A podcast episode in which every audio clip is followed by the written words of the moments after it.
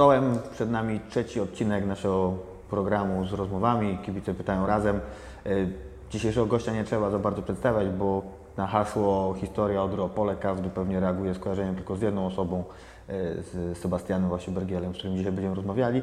Zachęcam do tego, żeby tej rozmowy przesłuchać e, całej, bo rozmawialiśmy dość długo, tak jak w poprzednich odcinkach, ale była to rozmowa bardzo, bardzo udana. Myślę, że bogata w dużo takich ciekawych, ciekawych rzeczy. E, Sebastian opowiadał obszernie, także fajnie, fajnie się go słucha.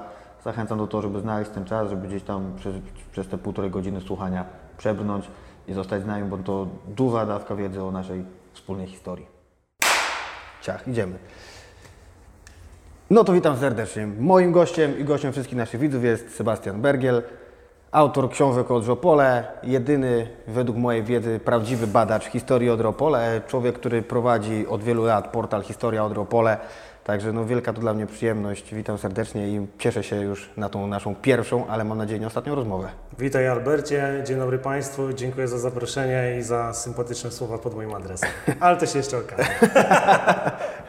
Nie, no ja myślę, że te słowa są w pełni zasłużone, no bo w końcu nie było tutaj ani jednego słowa przesady, tak? Dwie książki Odrze napisane, Skoro tak uważasz, to jest, są- mi, jest mi bardzo miło to są oczywiście. dowody. Natomiast być może coś w tym jest. E, Ocenę, ocenę pozostawiam Tobie, jak i e, sympatykom e, naszego klubu. Natomiast sam wcale nie uważam, żebym tutaj był jakimś wielkim guru w tym, w tym temacie. Wydaje mi się, że jestem jedną z wielu osób, które interesują się historią Modry. Natomiast powiem Ci szczerze, że mm, no jest, to, jest to dla mnie coś wielkiego, coś fajnego. Jest to moje wielkie hobby. Natomiast e, no, nigdy nie uważałem, że, że jest to coś e, wyjątkowego, co robię osobiście, ponieważ mówię, no, mm, robię to, bo lubię po prostu i wydaje mi się, że jest to autentyczne. Wychodzi to ode mnie od wielu lat. Natomiast jeżeli ktoś to docenia, to jest mi naprawdę serdecznie miło.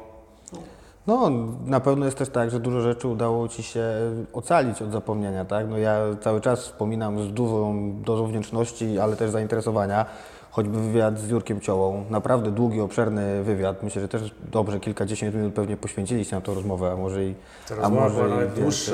No. Ja ją doskonale pamiętam, przepraszam, że Ci wejdę w słowo, ale pamiętam, była zima e, i spotkaliśmy się, zaprosiłem Jurka do jednego z opolskich e, klubów, pizzerii, można powiedzieć, e, na osiedlu Chabrów. Spotkaliśmy się i rozmawialiśmy, powiem szczerze, no ze 2-3 godziny, jeśli nie dłużej.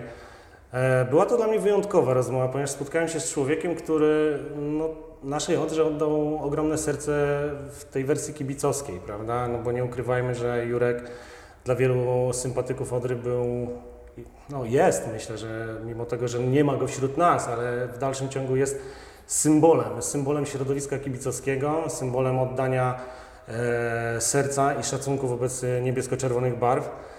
I myślę, że ta rozmowa uświadomiła mi coś więcej niż to, o czym częstokroć opowiadał i o czym gdzieś wielu e, z nas pewnie słyszało, o tych nie zawsze pozytywnych e, kwestiach związanych ze środowiskiem kibicowskim, szczególnie w latach gdzieś tam 70., 80., być może wczesnych 90. To się oczywiście zmienia na lepsze i bardzo, bardzo mnie to cieszy, że ta mentalność i świadomość kibiców idzie w zupełnie innym kierunku. O czym właśnie wspominał Jurek. E, Jurek zawsze powtarzał, że kibice są na dobre i na złe z klubem i kibice muszą być zawsze zintegrowani. E, I kibice Odry muszą zawsze o tym pamiętać. Tutaj bardzo e, solidną rolę pod, e, wspominał o wspomnianym Waszym gościu poprzednim, moim również serdecznym koledze z dzieciństwa, Willim, e, który był Waszym gościem właśnie w studiu, e, z którym też znamy się od praktycznie piaskownicy. E, Podkreślał jego niezwykle istotną rolę w kształtowaniu charakteru kibiców, e, w tym pozytywnym w świadomości, we współpracy, w jedności. E, O czym pewnie jeszcze do tej jedności wrócimy w kontekście samego klubu, ale ta rozmowa była dla mnie niezwykle istotna, ponieważ e, widziałem, jak Jurek to przeżywał. Widziałem tą jego twarz już nieco mocno schorowaną, bo był to okres, w którym no niestety choroba go dotknęła już dość mocno.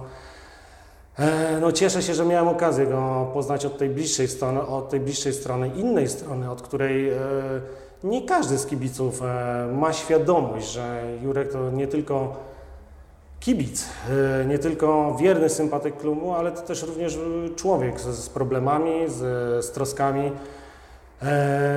I postanowiłem po tej rozmowie, że kiedykolwiek, jeśli kiedykolwiek spotka mnie okazja ku temu, abym mógł w jakiś sposób uhonorować postacie bohaterów związanych z naszym klubem, którzy de facto gdzieś tam dołożyli tą drobną albo mniejszą, większą cegiełkę do budowy dobrego imienia klubu.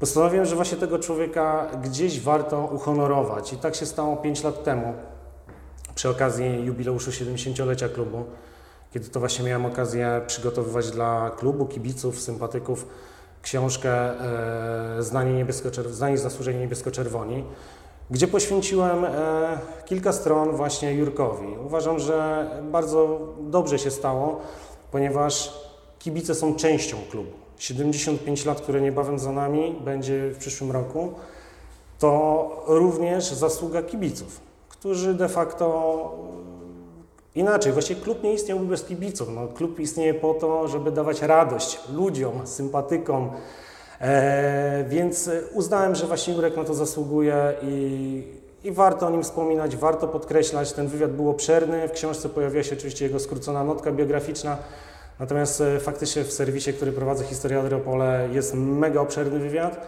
który, no tu może się pochwalę, czemu nie, e, pojawił się e, na łamach tygodnika kibi, Tygodnik Kibica. Tomy tak? Kibice. Tomy Kibice, przepraszam. Jednak już wiek nie ten, także e, tak. E, I to było dla mnie to również bardzo fajnym e, takim mini sukcesem, bowiem no, czasopismo jednak jest ogólnopolskie, tak, dostępne dla wielu rzeszy kibiców w całej Polsce.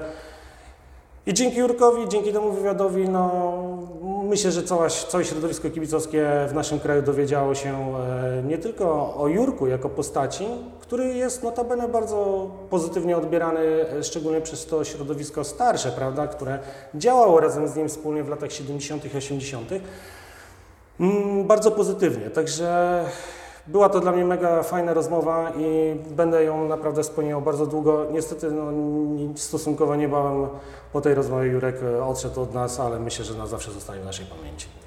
No właśnie, ale to jest, to jest y, piękny pomnik, który mu postawiłeś, bo Jurek znalazł swoje miejsce właśnie w obszernym wywiadzie. Ten wywiad był publikowany na portalu, był publikowany w Tomie Kibice. Y, jest rozdział poświęcony Jurkowi wśród 70 najbardziej wybitnych postaci w historii Odropole.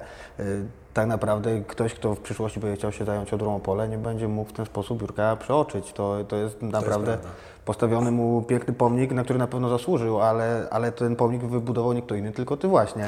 Także, także nie przypadkiem mówię o tym, że ta rola i, i portalu, i twojej pracy jest wcale niebagatelna, bo, bo ona pozwala nie tylko przecież Jurkowi, ale też różnym innym osobom, z którymi rozmawiasz, o których przypominasz, takie małe pomniki e, postawić i spowodować, że, że te osoby z pamięci Odry nie zginą, bo, bo pewnie są osoby naprawdę, które zasłużyły się Odrze w sposób, którego nie sposób prze, przeoczyć, ale jest też kilkanaście, kilkadziesiąt osób, które pewnie gdzieś by nam w odmętach historii uciekły, gdybyśmy o nich nie przypominali. Zgadza się, zgadza się. I świetnie, że to się dzieje. To jest prawda. To, to co powiedziałeś, to jest prawda, aczkolwiek niestety 75 lat historii klubu to tysiące postaci, to właściwie dziesiątki tysięcy postaci.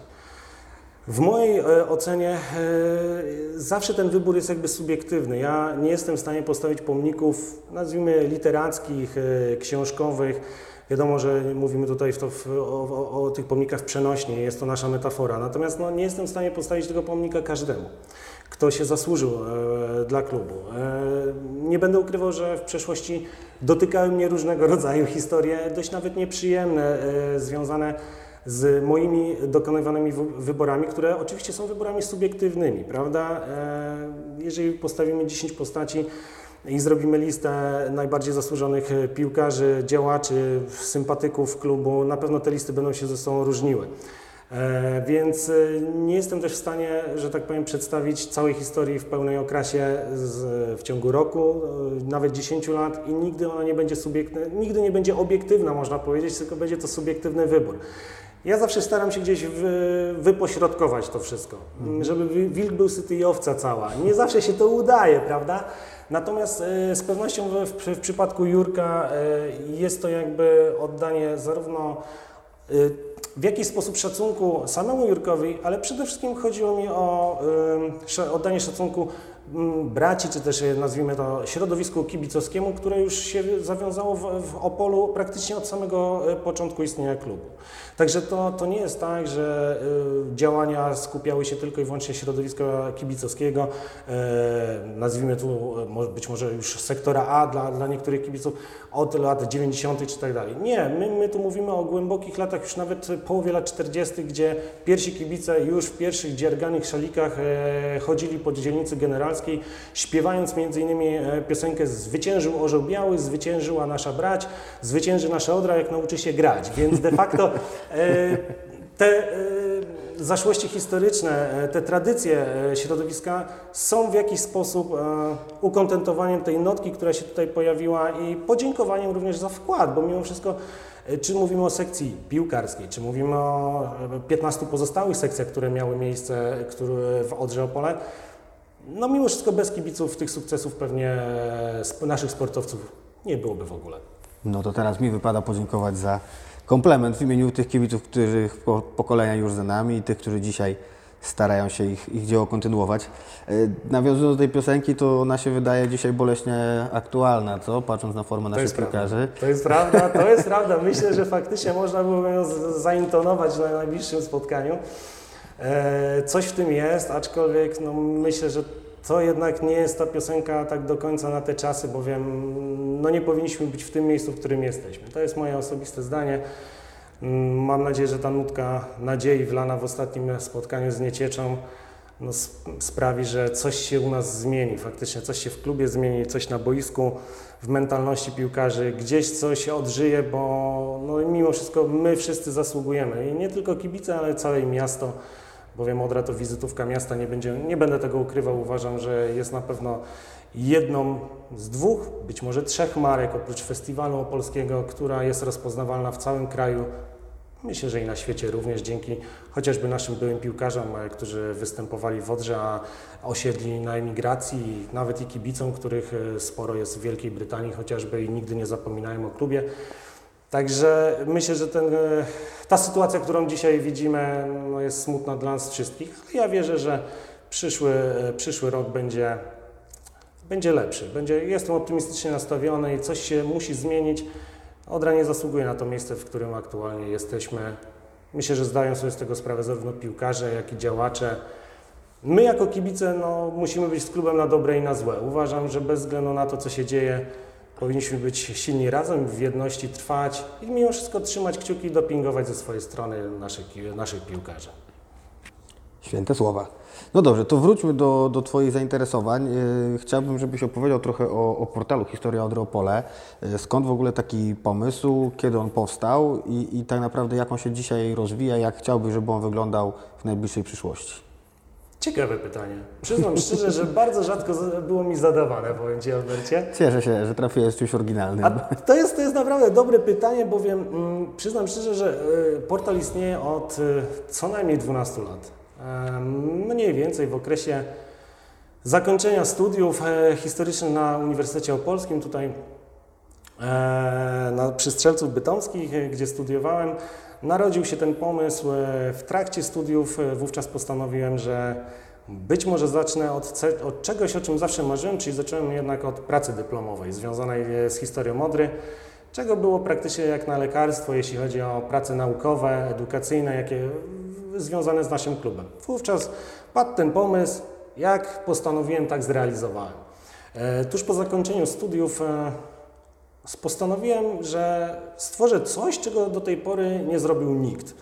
Wówczas nie wiedziałem, czy to będzie, ten projekt będzie istniał miesiąc, dwa, rok, być może dłużej, ale postanowiłem zaryzykować. Jestem takim człowiekiem, że dość często lubię wprowadzać y, swoje dość szalone pomysły w życie, y, szczególnie pomysły, które w jakiś sensie potrzebują czasu, potrzebują czasu na realizację.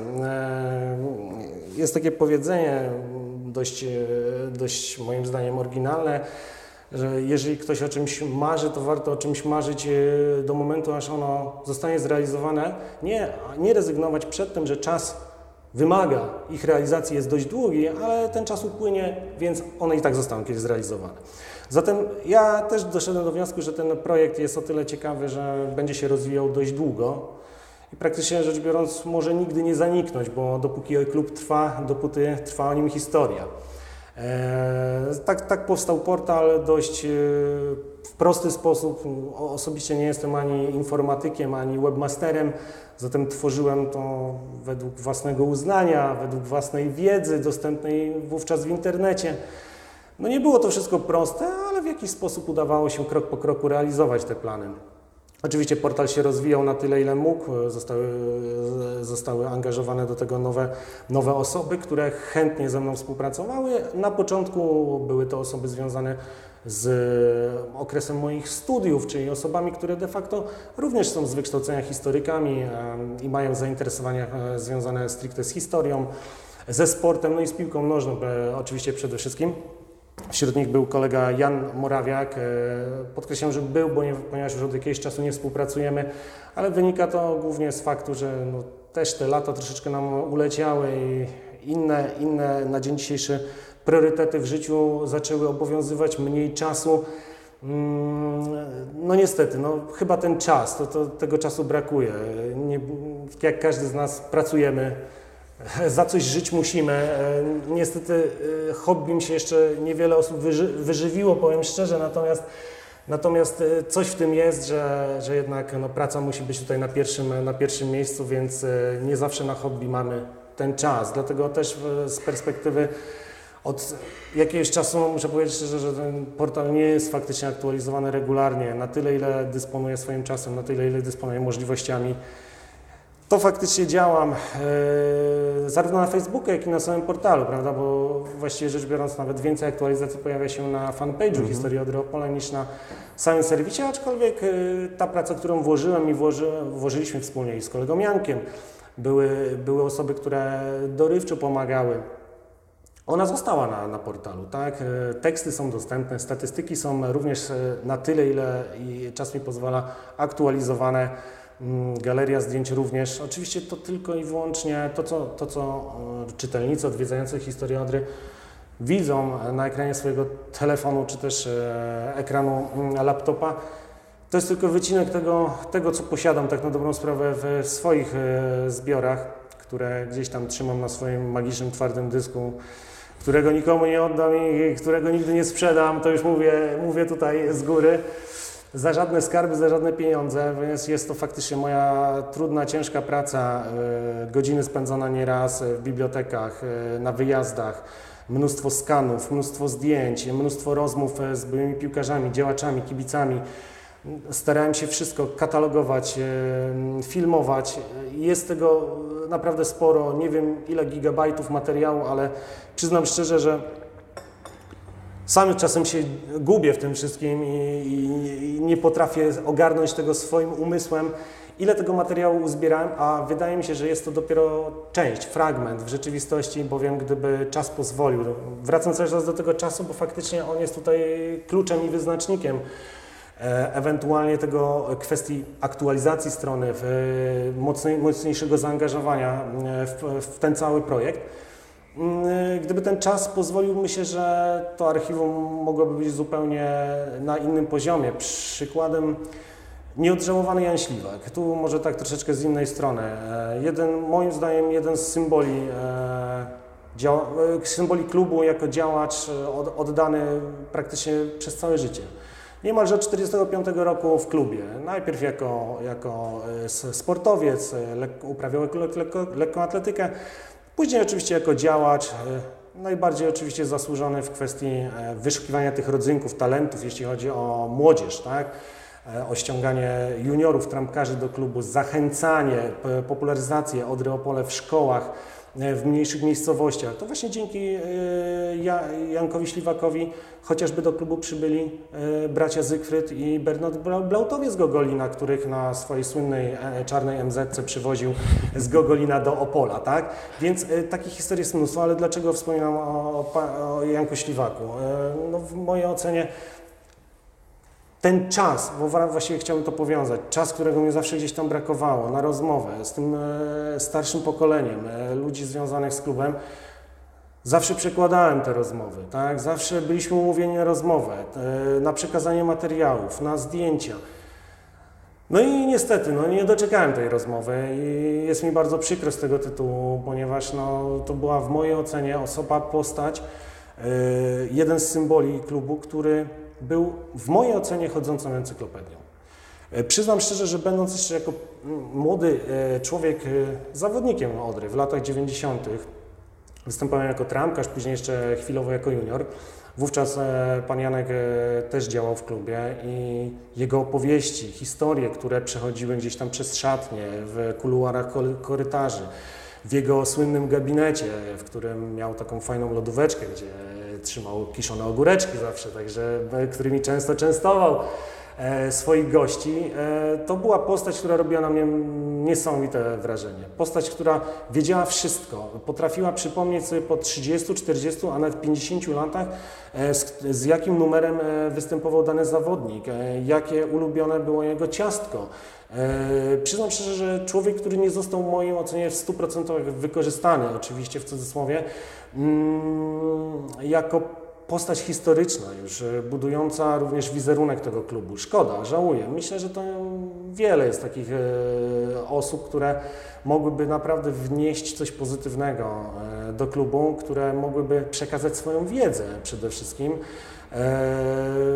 o klubie, bowiem powiedzmy sobie szczerze, w 75-letniej historii klubu powiem szczerze, wyszło zaledwie cztery, góra pięć publikacji z prawdziwego zdarzenia. E, pierwsza miała miejsce na 15-lecie klubu w 60 roku, druga miała na 25-lecie e, klubu e, okazję ukazać się szerszej publiczności. I tak na dobrą sprawę kolejna publikacja ukazała się faktycznie moim skromnym udziałem w 2009 roku od Raopola Antoniego Piechniczka. Także też ten udział klubu w upamiętnieniu jubileuszy, upamiętnieniu postaci historycznej, upamiętnieniu sukcesu klubu. Ja tu nie odnoszę się e, personalnie do, do, żadnego e, zarządu, ale myślę, że ten udział był dość skromny i zawsze ta historia była w jakiś sposób traktowana moim zdaniem po macoszemu. Ja powiem, e, powiem w ten sposób. E, miałem okazję, w, było niegdyś takie czasopismo, być może nie wiem, czy Ty Albercie kojarzysz to, ale E, bo Ty jesteś bardzo młodym człowiekiem, zatem e, istniało takie czasopismo Oderka. Ja, ono, ono później miało swoją jakby reinkarnację drobną po jakimś tam czasie, ale były to lata, powiedzmy końcówka lat 90., mhm. początek lat 2000, tak? Więc w mojej ocenie czasopismo, wówczas czasopismo było też między innymi prowadzone, czy też współprowadzone przez Jacka Nałęcza, Moim zdaniem merytorycznie świetne. Było to czasopismo, które stanowiło jednocześnie często program meczowy, ale również dawało możliwość informacji, informacji kibicom, którzy przychodzili na, na, na mecz e, i tak dalej. Wiadomo, były to też inne czasy, ten dostęp do internetu był troszkę mniejszy, internet nie był wówczas tak jeszcze powszechny jak dziś e, szczególnie w telefonach komórkowych, zatem też forma drukowana była e, bardziej przystępna dla kibiców aniżeli internetowa, chociaż wówczas istniało również i jeszcze wcześniej właściwie e, prowadzone przez Marcina e, strona internetowa, portal no niebiesko-czerwoni, prawda, czyli NC, tak, Oczywiście. popularni. I wówczas powiem szczerze, bo to tak wracając do Twojego pytania, właśnie mm, skąd się wziął, wziął ten pomysł i tak dalej. Mm, właściwie to on zakiełkował pod koniec lat 90. Przy okazji, kiedy właśnie Marcin mnie zaprosił do współpracy przy okazji e, tworzenia właśnie portalu e, niebiesko-czerwoni. I właściwie rzecz biorąc, na tym portalu po raz pierwszy pojawiły się jakiekolwiek informacje historyczne związane z klubem, ale takie e, rzetelniejsze. Mm, ja na bazie swoich materiałów, które już powoli zbierałem od początku lat 90., będąc młodym człowiekiem, występującym właśnie w klubie jako trampkarz, ta magia stadionu, magia e, Wojciecha Tyca, który był wówczas moim pierwszym trenerem, e, ten zapach murawy, skoszonej murawy przyoleskiej, no to, to były piękne czasy, chociaż czasami brakowało wody ciepłej, nie było zbyt lekko. To powiem szczerze, to był moment, w którym właśnie ja poczułem tą chęć zrobienia czegoś dla klubu. Skoro nie zostałem piłkarzem, być może zabrakło talentu, być może kontuzja przeszkodziła, być może byłem po prostu za słaby. Wszystko jest e, po trochu prawdą. E, to postanowiłem, że być może pomogę klubowi na innej stopie. Tak właśnie się zrodził pomysł najpierw współpracy z NC, e, z niebiesko-czerwonymi, następnie z czasopismem Moderką. I poczułem, że jest to jakby punkt zwrotny gdzieś tam w moim życiu. Ja nie, nie twierdzę, że to, co robiłem, to, co staram się czynić w dalszym ciągu, czyli pracować nad badaniem tej naszej wspaniałej historii klubu, jest jakimś wielkim wyczynem. E, jest to poniekąd jakaś tam moja pasja, poniekąd e, część wykształcenia, poniekąd też miłość sama do klubu, którą poczułem sam jako zawodnik. Ale to był taki moment faktycznie, w którym poczułem, że chciałem zrobić coś większego dla klubu. Wtedy zacząłem się tematem interesować. Okazało się, że tak na dobrą sprawę nie ma nie ma nigdzie informacji. Nie ma nigdzie informacji, kiedy. Znaczy, wiedzieliśmy, że klub powstał, wiedzieliśmy, że klub coś tam kiedyś zdobył i wiedzieliśmy, że gdzieś klub miał jakiś tam kilku reprezentantów Polski. Właściwie rzecz biorąc, wiedza historyczna polegała na kilku jakichś sztampowych informacjach, które od czasu do czasu pojawiały się w jakichś okolicznościowych programach e, wydawanych przez klub. Były to szczątkowe informacje. Oczywiście prasa jako tako ogólnie, mówię tu o Trybunie Opolskiej, czy też tygodniku Piłka Nożna chociażby, jak najbardziej wspominała, szczególnie oczywiście przy okazji jubileuszy, wspominała szerzej na temat historii klubu, co było niezwykle dla mnie osobiście cenne, uwielbiałem te artykuły. E, między innymi, nawet nie wiem, czy Twój e, tata nie, nie pisał kilku artykułów bardzo z, związanych z Odrą, ale to jest jakby odrębna, odrębna para kaloszy, natomiast na pewno Trybuna Opolska e, dość często podobnie jak i Gazeta Wyborcza, e, no ale to już w późniejszym okresie, ale myślę o tych wcześniejszych latach, typu lata 70., 80. i jeszcze wcześniejsze, no to jednak tutaj e, Trybuna miała swój spory udział w informacjach, w przekazywaniu takiej kwestii historyczno-edukacyjnej, tak? Pojawiało się naprawdę sporo informacji, zarówno o postaciach, o datach, o szczegółach. Wszystkie te oczywiście artykuły staram się na bieżąco katalogować i mam je w swoim tam gdzieś zbiorze. I ale to było jakby e, poza nami. Natomiast jeśli chodzi już o ten okres nowożytny, nazwijmy po 1989 roku, kiedy to moje zainteresowanie e, poszło w tymże kierunku, to niestety, ale był z tym problem. Trzeba było faktycznie albo mocno już się wysilić, pójść do biblioteki, tak, być studentem, mieć dostęp do mocniejszych, do, do lepszych materiałów. Wiadomo, że no, niestety miejskie biblioteki nie dysponują archiwaliami e, związanymi z, z materiałami źródłowymi, jeśli chodzi o prasę. Zatem no, trzeba było już mocniej się wytężyć, żeby cokolwiek e, logicznego i, i bardziej szczegółowego odnaleźć. Stąd też pomysł w jakimś sensie wyboru z e, kierunku historycznego.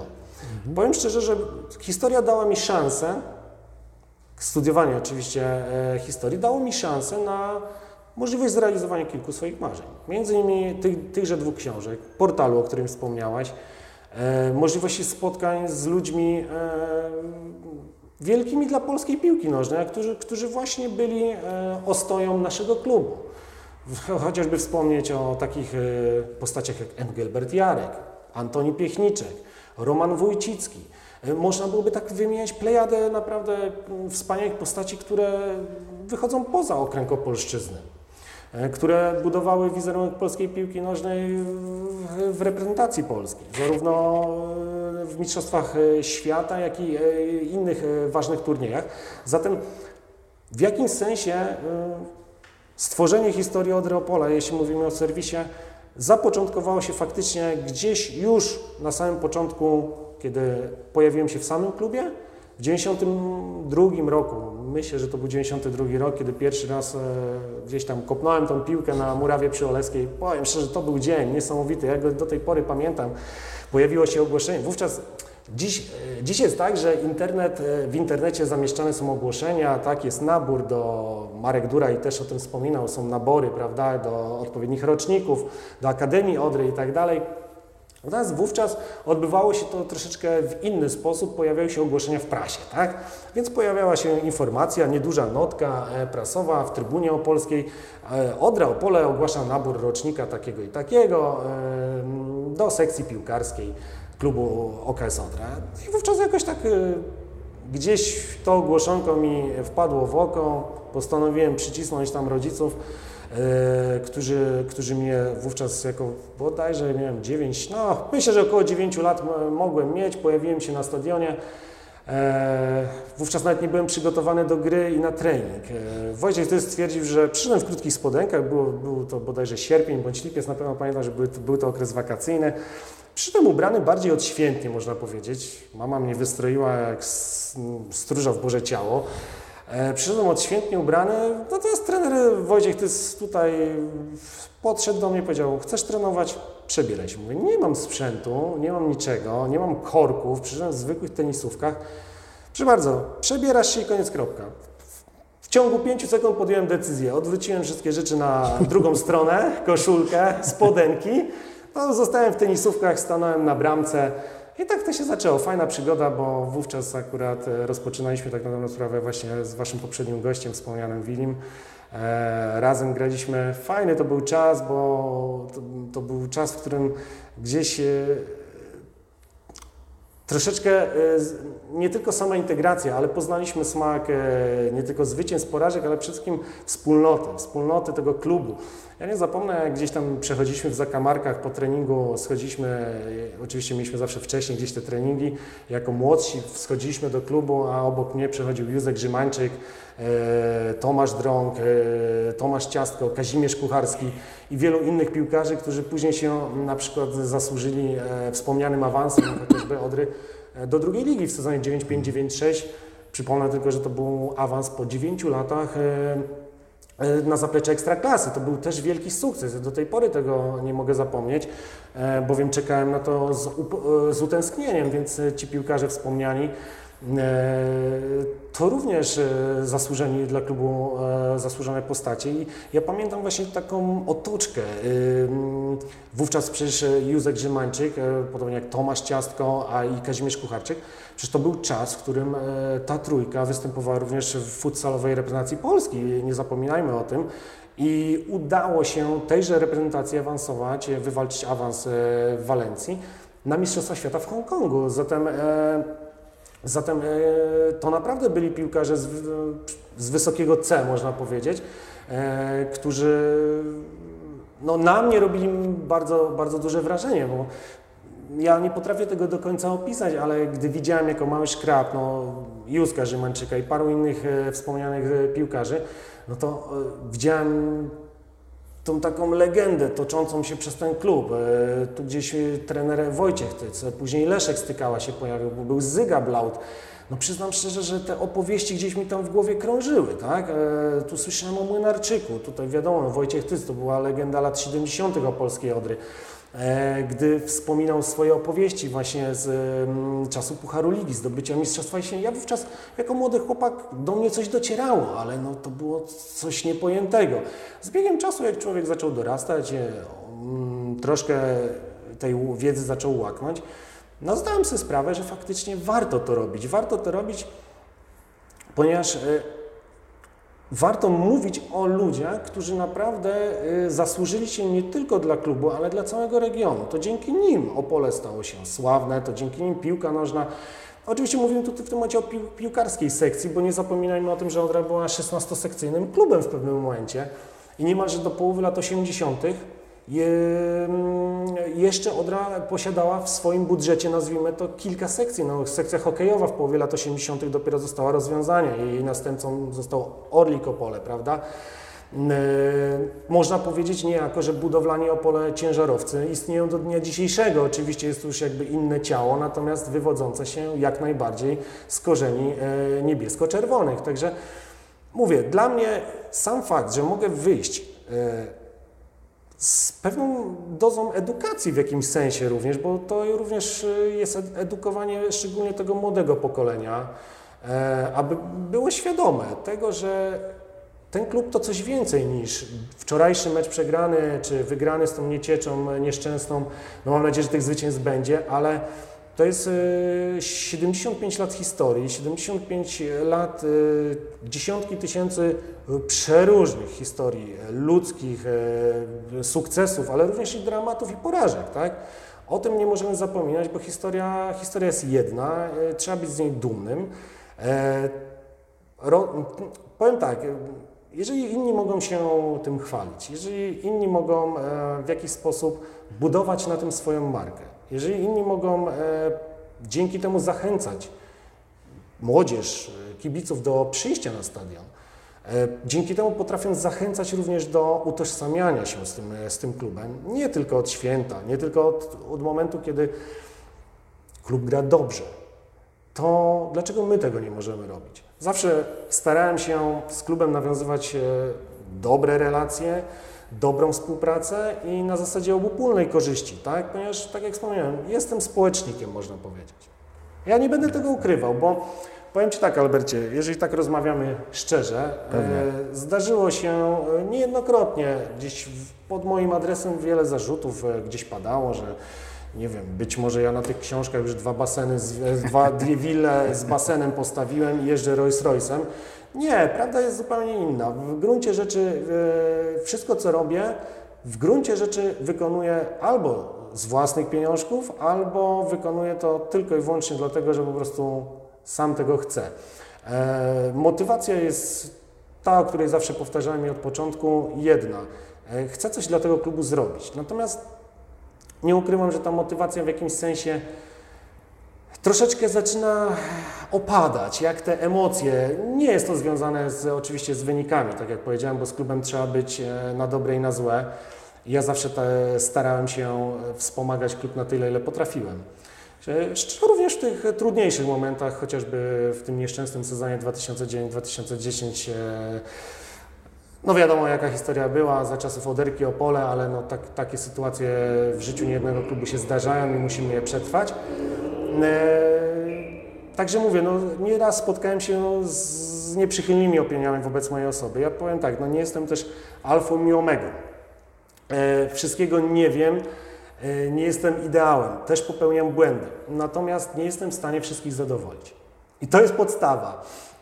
W mojej ocenie, w mojej ocenie ten subiektywny wybór, o którym wspomniałem na początku rozmowy, jest jakimś kompromisem tego, co robię. Ponieważ mm, w przeciągu 75 lat naprawdę myślę, że nawet naj, najmniej znacząca w cudzysłowie, osoba, która pracowała na rzecz klubu, yy, również przyczyniła się do tego, że ten klub dalej istnieje. Także nie jestem w stanie wymienić każdego z nazwiska, nie jestem w stanie o, o, o, wszystkich napisać, ale zawsze symbolicznie to. Jedna rzecz mi się taka rzuca właśnie mm, na myśl. Pamiętam taką sytuację yy, przy okazji 70-lecia yy, klubu i wydania tejże książki Znani Zasłużeni, gdy po meczu był taki mecz, pewnie kojarzycie ze Skrom Częstochowa, wygrany bodajże 6-7-1, mhm. tak? E, taki wysoki wynik był, który, który de facto był pyrusowym zwycięstwem, bowiem e, i tak nas e, przegoniła Polonia tak. Bytom w ostatniej chwili. Ten nieszczęsny remis, przegrana w Sząbierkach Bytom, która nas też troszeczkę tutaj mm, no, usadziła. Nas usadziła, można powiedzieć, dokładnie, na łopatki rozłożyła. I pamiętam taką historię po meczu, było takie spotkanie właśnie z byłymi piłkarzami, e, gdzieś ta książka tam krążyła i poprosiłem wszystkich bohaterów mojej książki, tych, którzy oczywiście się pojawili na spotkaniu, o takie drobne wpisy do książki.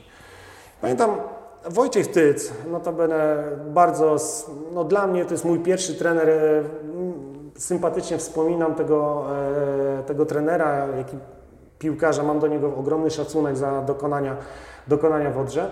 I powiem szczerze, wpisał mi taką notkę, że, znaczy cytuję, e, chciałbym zacytować, Sebastian, dzięki Tobie historia jest wiecznie żywa i my jeszcze żyjemy. Przyznam szczerze, że było to dla mnie bardzo ujmujące. E, nie wiem, czy mi się nawet wówczas łza wokół nie zakręciła. To jest przykład tego, że być może o wszystkich nie jesteśmy w stanie opowiedzieć, być może o wszystkim nie jesteśmy w stanie podziękować. Czy tam na portalu, czy w publikacjach, ale dzięki temu, że tego typu projekty powstały, jesteśmy w stanie cały czas wspominać nie tylko sam klub, jego historię, tradycję, ale jesteśmy w stanie przypominać również tym, którzy nie są zawsze na pierwszych kartach książek, publikacji jakikolwiek, czy też mojego portalu, że pamiętamy również i o nich. Jest to, chciałbym, chciałbym, żeby to dobrze zabrzmiało. To, co robię, to jest tylko i wyłącznie wierzchołek góry lądowej, to jest tylko symbol i podziękowanie tym wszystkim, którzy są, e, byli, są i będą zaangażowani po prostu w działalność klubu. To, o czym rozmawialiśmy, jeśli chodzi o Jurka Cioła. Dobra, bardzo fajnie opowiedziałeś o tej genezie, o swojej motywacji. To było bardzo cenne. Y, Mi się w czasie Twojej wypowiedzi otwarło co najmniej kilka takich drzwi, którymi byśmy mogli teraz pójść i, i, i dalej y, podążać w tej naszej rozmowie. Więc może trochę odejdę od tego portalu, od tej bezpośredniej pasji, a zapytam o to, no bo jesteś związany z, z historią już od wielu lat, sam to wspominałeś, 12 lat samego prowadzenia port- portalu, y, czyli zaczynałeś jeszcze w czasach Odry Opole przedoderkowej, Zgadza się. potem przetrwałeś cały okres właśnie odbudowy klubu, startowania w tej nie, nie, niechlubnej lidze, no i powrotu powiedzmy na piłkarskie salony, czyli do pierwszej, do pierwszej ligi. Y, Jak taka współpraca z klubem wygląda? Jak, jak z Twojej perspektywy to się układa i, i jak byś sobie marzył może, żeby się układało? Bo wiadomo, że nie ma ludzi idealnych, to o tym też mówiłeś. Oczywiście. Nikt nie jest ideałem i żaden zarząd nie będzie zarządem idealnym, ale gdybyś miał swój modelowy, idealny zarząd z swojej perspektywy opowiedzieć, to, to jak by on działał, czym by się zajmował i jak funkcjonowałby we współpracy z Tobą? O, czyli mogę popuścić wodzy wyobraźni, rozumiem, tak? Troszeczkę. Tak, choć chciałbym, żebyś też powiedział, jakie są realia, nie, nie tylko to, o czym marzymy, tak? Tylko to, zderzmy to z rzeczywistością. Masz rację. Jeśli chodzi o moją współpracę z klubem, z zarządami, ponieważ było ich już kilka, było, przewinęło się w tym okresie kilku prezesów, tak, różni ludzie zasi- zasiadali w zarządzie, no ta współpraca, powiem tak, no myślę, że na taką od, w skali od 1 do 5 nomenklaturą e, szkolną, jakbyśmy to ocenili, pomiędzy 3 plus a minus 4. Myślę, że e, sam osobiście oczekiwałbym, aby to oscylowało w okolicy oceny bardzo dobrej, na, natomiast być może gdzieś oczywiście też e, leży troszeczkę winy po mojej stronie, natomiast Natomiast wydaje mi się, że faktycznie e, gdzieś ta historia i ja nie mówię kwestia mojej osoby, nie chciałbym może tak ad personalnie, ale wydaje mi się e, ogólną, e, to znaczy całokształtową. Jeżeli mowa o samej historii Odry, no ona nie była wykorzystywana przez żaden ża- zarząd. Przynajmniej od czasu, kiedy, kiedy faktycznie ja współpracuję, z, to znaczy jak przygotowuję swoją stronę internetową, e, Myślę, że taka współpraca najlepiej e, wspominana przeze mnie, która e, mi tak dość mocno utkwiła w pamięci, wymieniłby takie dwa właśnie okresy, o których wspominałem na początku. To były czasy właśnie e, gdy miałem okazję współpracować przy okazji przygotowania artykułów historycznych do czasopisma Oderka wówczas. To była taka końcówka, powiedzmy, ale to mówię, to było jeszcze przed e, serwisem. Natomiast e, tak rzeczywiście wspomniałem bardzo fajnie okres za, czasy, za czasów prezesury mm, Janusza Wysockiego. Jest to związane między innymi z moją właśnie chociażby książką Znani i zasłużeni niebiesko-czerwoni, której e, pan prezes był wielkim orędownikiem. Przyznam szczerze, że wówczas, oczywiście było to związane ze zbliżającym się między innymi jubileuszem e, 70-lecia klubu, Oczywiście. który, który zostałem zaangażowany. Y, Było mi niezwykle miło, że mogłem być w tym ciele konsy- konsyliacyjnym decydującym o pewnych kwestiach organizacyjnych, e, właśnie związanych z organizacją jubileuszu. E, Była to współpraca owocna, e, niezwykle miło i sympatycznie ją wspominam, której efektem było właśnie przygotowanie tejże książki. Miałem tutaj naprawdę sporą wolną rękę, mogę powiedzieć, tak dość kolokwialnie, e, ze strony pana prezesa e, Wysockiego i nie będę ukrywał, że e, sam prezes, jak i ówczesny zarząd bardzo przychylnie się wyrażali zarówno o mojej pracy, jak i, jak i o ewentualnej współpracy. I wówczas faktycznie tak, nie będę ukrywał, czułem się dość mocno usatysfakcjonowany tym, że klub w, w jakimś sensie dość mocno wyciągnął i do mnie rękę, i docenił moją pracę, jak i mm, wykorzystał szansę, moim zdaniem. Wykorzystał szansę na promocję klubu poprzez kontekst historyczny, tak? Oczywiście wiadomo, wszystko miało tutaj charakter e, jubileuszowy, ponieważ e, była to piękna, okrągła rocznica, którą należało uhonorować czymś, e, co zapadnie w pamięci kibiców i jakąś pamiątką, która pozostanie na długi okres czasu. Oczywiście zwyczajowo w takich sytuacjach publikacja książkowa jest e, jak najbardziej na miejscu i mm, efektem te, tych działań jest właśnie ta publikacja. Dlatego myślę, że ten okres wspominam bardzo fajnie, sympatycznie. E, że- żałuję, że no dość szybko się skończył w późniejszym okresie czasu. Natomiast jeśli chodzi o taką koncepcję, powiedzmy, współpracy, mm, nieraz gdzieś tam proponowałem ze swojej strony e, różnego rodzaju mm, formę współpracy poprzez e, chociażby publikację różnorakich artykułów związanych e, z historią Odry, e, przypominanie, przypominanie ważnych wydarzeń z historii klubu, sukcesów, również i porażek. Ja, ja nie boję się e, wspominać o tym, że klub miał również i czarną kartę historii, ponieważ jest, jest to nasza historia, jest, jest to e, część, element funkcjonowania klubu i wydaje mi się, że w każdym klubie znajdziemy elementy pozytywne, jak i negatywne. Natomiast e, nie zawsze się to udawało, żeby znaleźć ten wspólny język. E, Być może to, co robię, nie zawsze jest w jakimś sensie doceniane, być może pomysł na klub jest yy, zupełnie inny, być może kwestie historyczne nie przekładają się na marketing, być może yy, ktoś ma inną koncepcję i wizję faktycznie prowadzenia zarówno strony internetowej, jak i ewentualnie fanpage'a, jak i uświadamiania czy też przekazywania informacji kibicom. Ja tego nie wiem. Z, trudno mi e, określić, to już musiałyby się, że tak powiem, poszczególne władze zarządów e, wypowiedzieć w tej kwestii. Oczywiście. Natomiast e, na pewno jest ta forma komunikacji e, troszeczkę zaniedbana. Nie ukrywam, że czasami mam takie wrażenie, że moja postać, o mojej postaci przypomina się tylko i wyłącznie w kontekście e, takich dość zapalnych tematów. Ach, przychodzi, e, przychodzi jubileusz, trzeba coś przygotować, trzeba coś zrobić. Faktycznie jest taka osoba, która mogłaby w tym pomóc, tak? Jest mi oczywiście miło, jasne, ja chętnie, chętnie zawsze się angażuję w tą pomoc.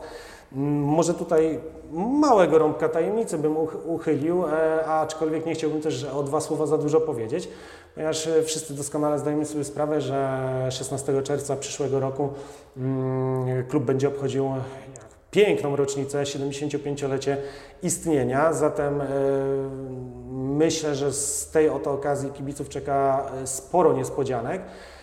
Myślę, że już jedna z nich, e, mam nadzieję, mam nadzieję pojawi się w tym roku, przy której mam przyjemność już od pewnego czasu pracować. Nie chciałbym zdradzać kulisów i szczegółów, ponieważ jest to jeszcze w fazie projektu i jeszcze e, trzeba się troszeczkę wstrzymać tymi e, emocjami, fanfarami. Natomiast wydaje mi się, że to też idzie w dobrym kierunku, że ta współpraca przy okazji tego jubileuszu będzie na wysokim poziomie i będę mógł też uczestniczyć e, w organizacji tych obchodów, a przynajmniej w jakimś stopniu dołożyć swoją jakąś cegiełkę, ponieważ oczywiście nie jestem tu jedyną osobą, która mm, wie, że w to zostanie zaangażowana w, w cały projekt. Aczkolwiek mówię, cieszy mnie to, że też zarząd obecnego klubu e, dostrzega, dostrzega sprawę przyszło, przyszłorocznego jubileuszu i, i ta, ta współpraca mi się podoba i wierzę, że to pójdzie w dobrym kierunku. Natomiast Wydaje mi się, że faktycznie klub powinien troszeczkę więcej postawić na kwestie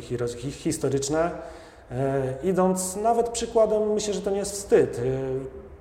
Czerpać z najlepszych to, to nie wstyd i myślę, że warto wziąć pod uwagę, ja już nie mówię, nie wspominam tu tylko i wyłącznie o klubach polskich, ale również i zagranicznych, e, które wcale nie są młodsze od e, niebiesko-czerwonych, a potrafią wykorzystać swoją historię w sposób e, perfekcyjny.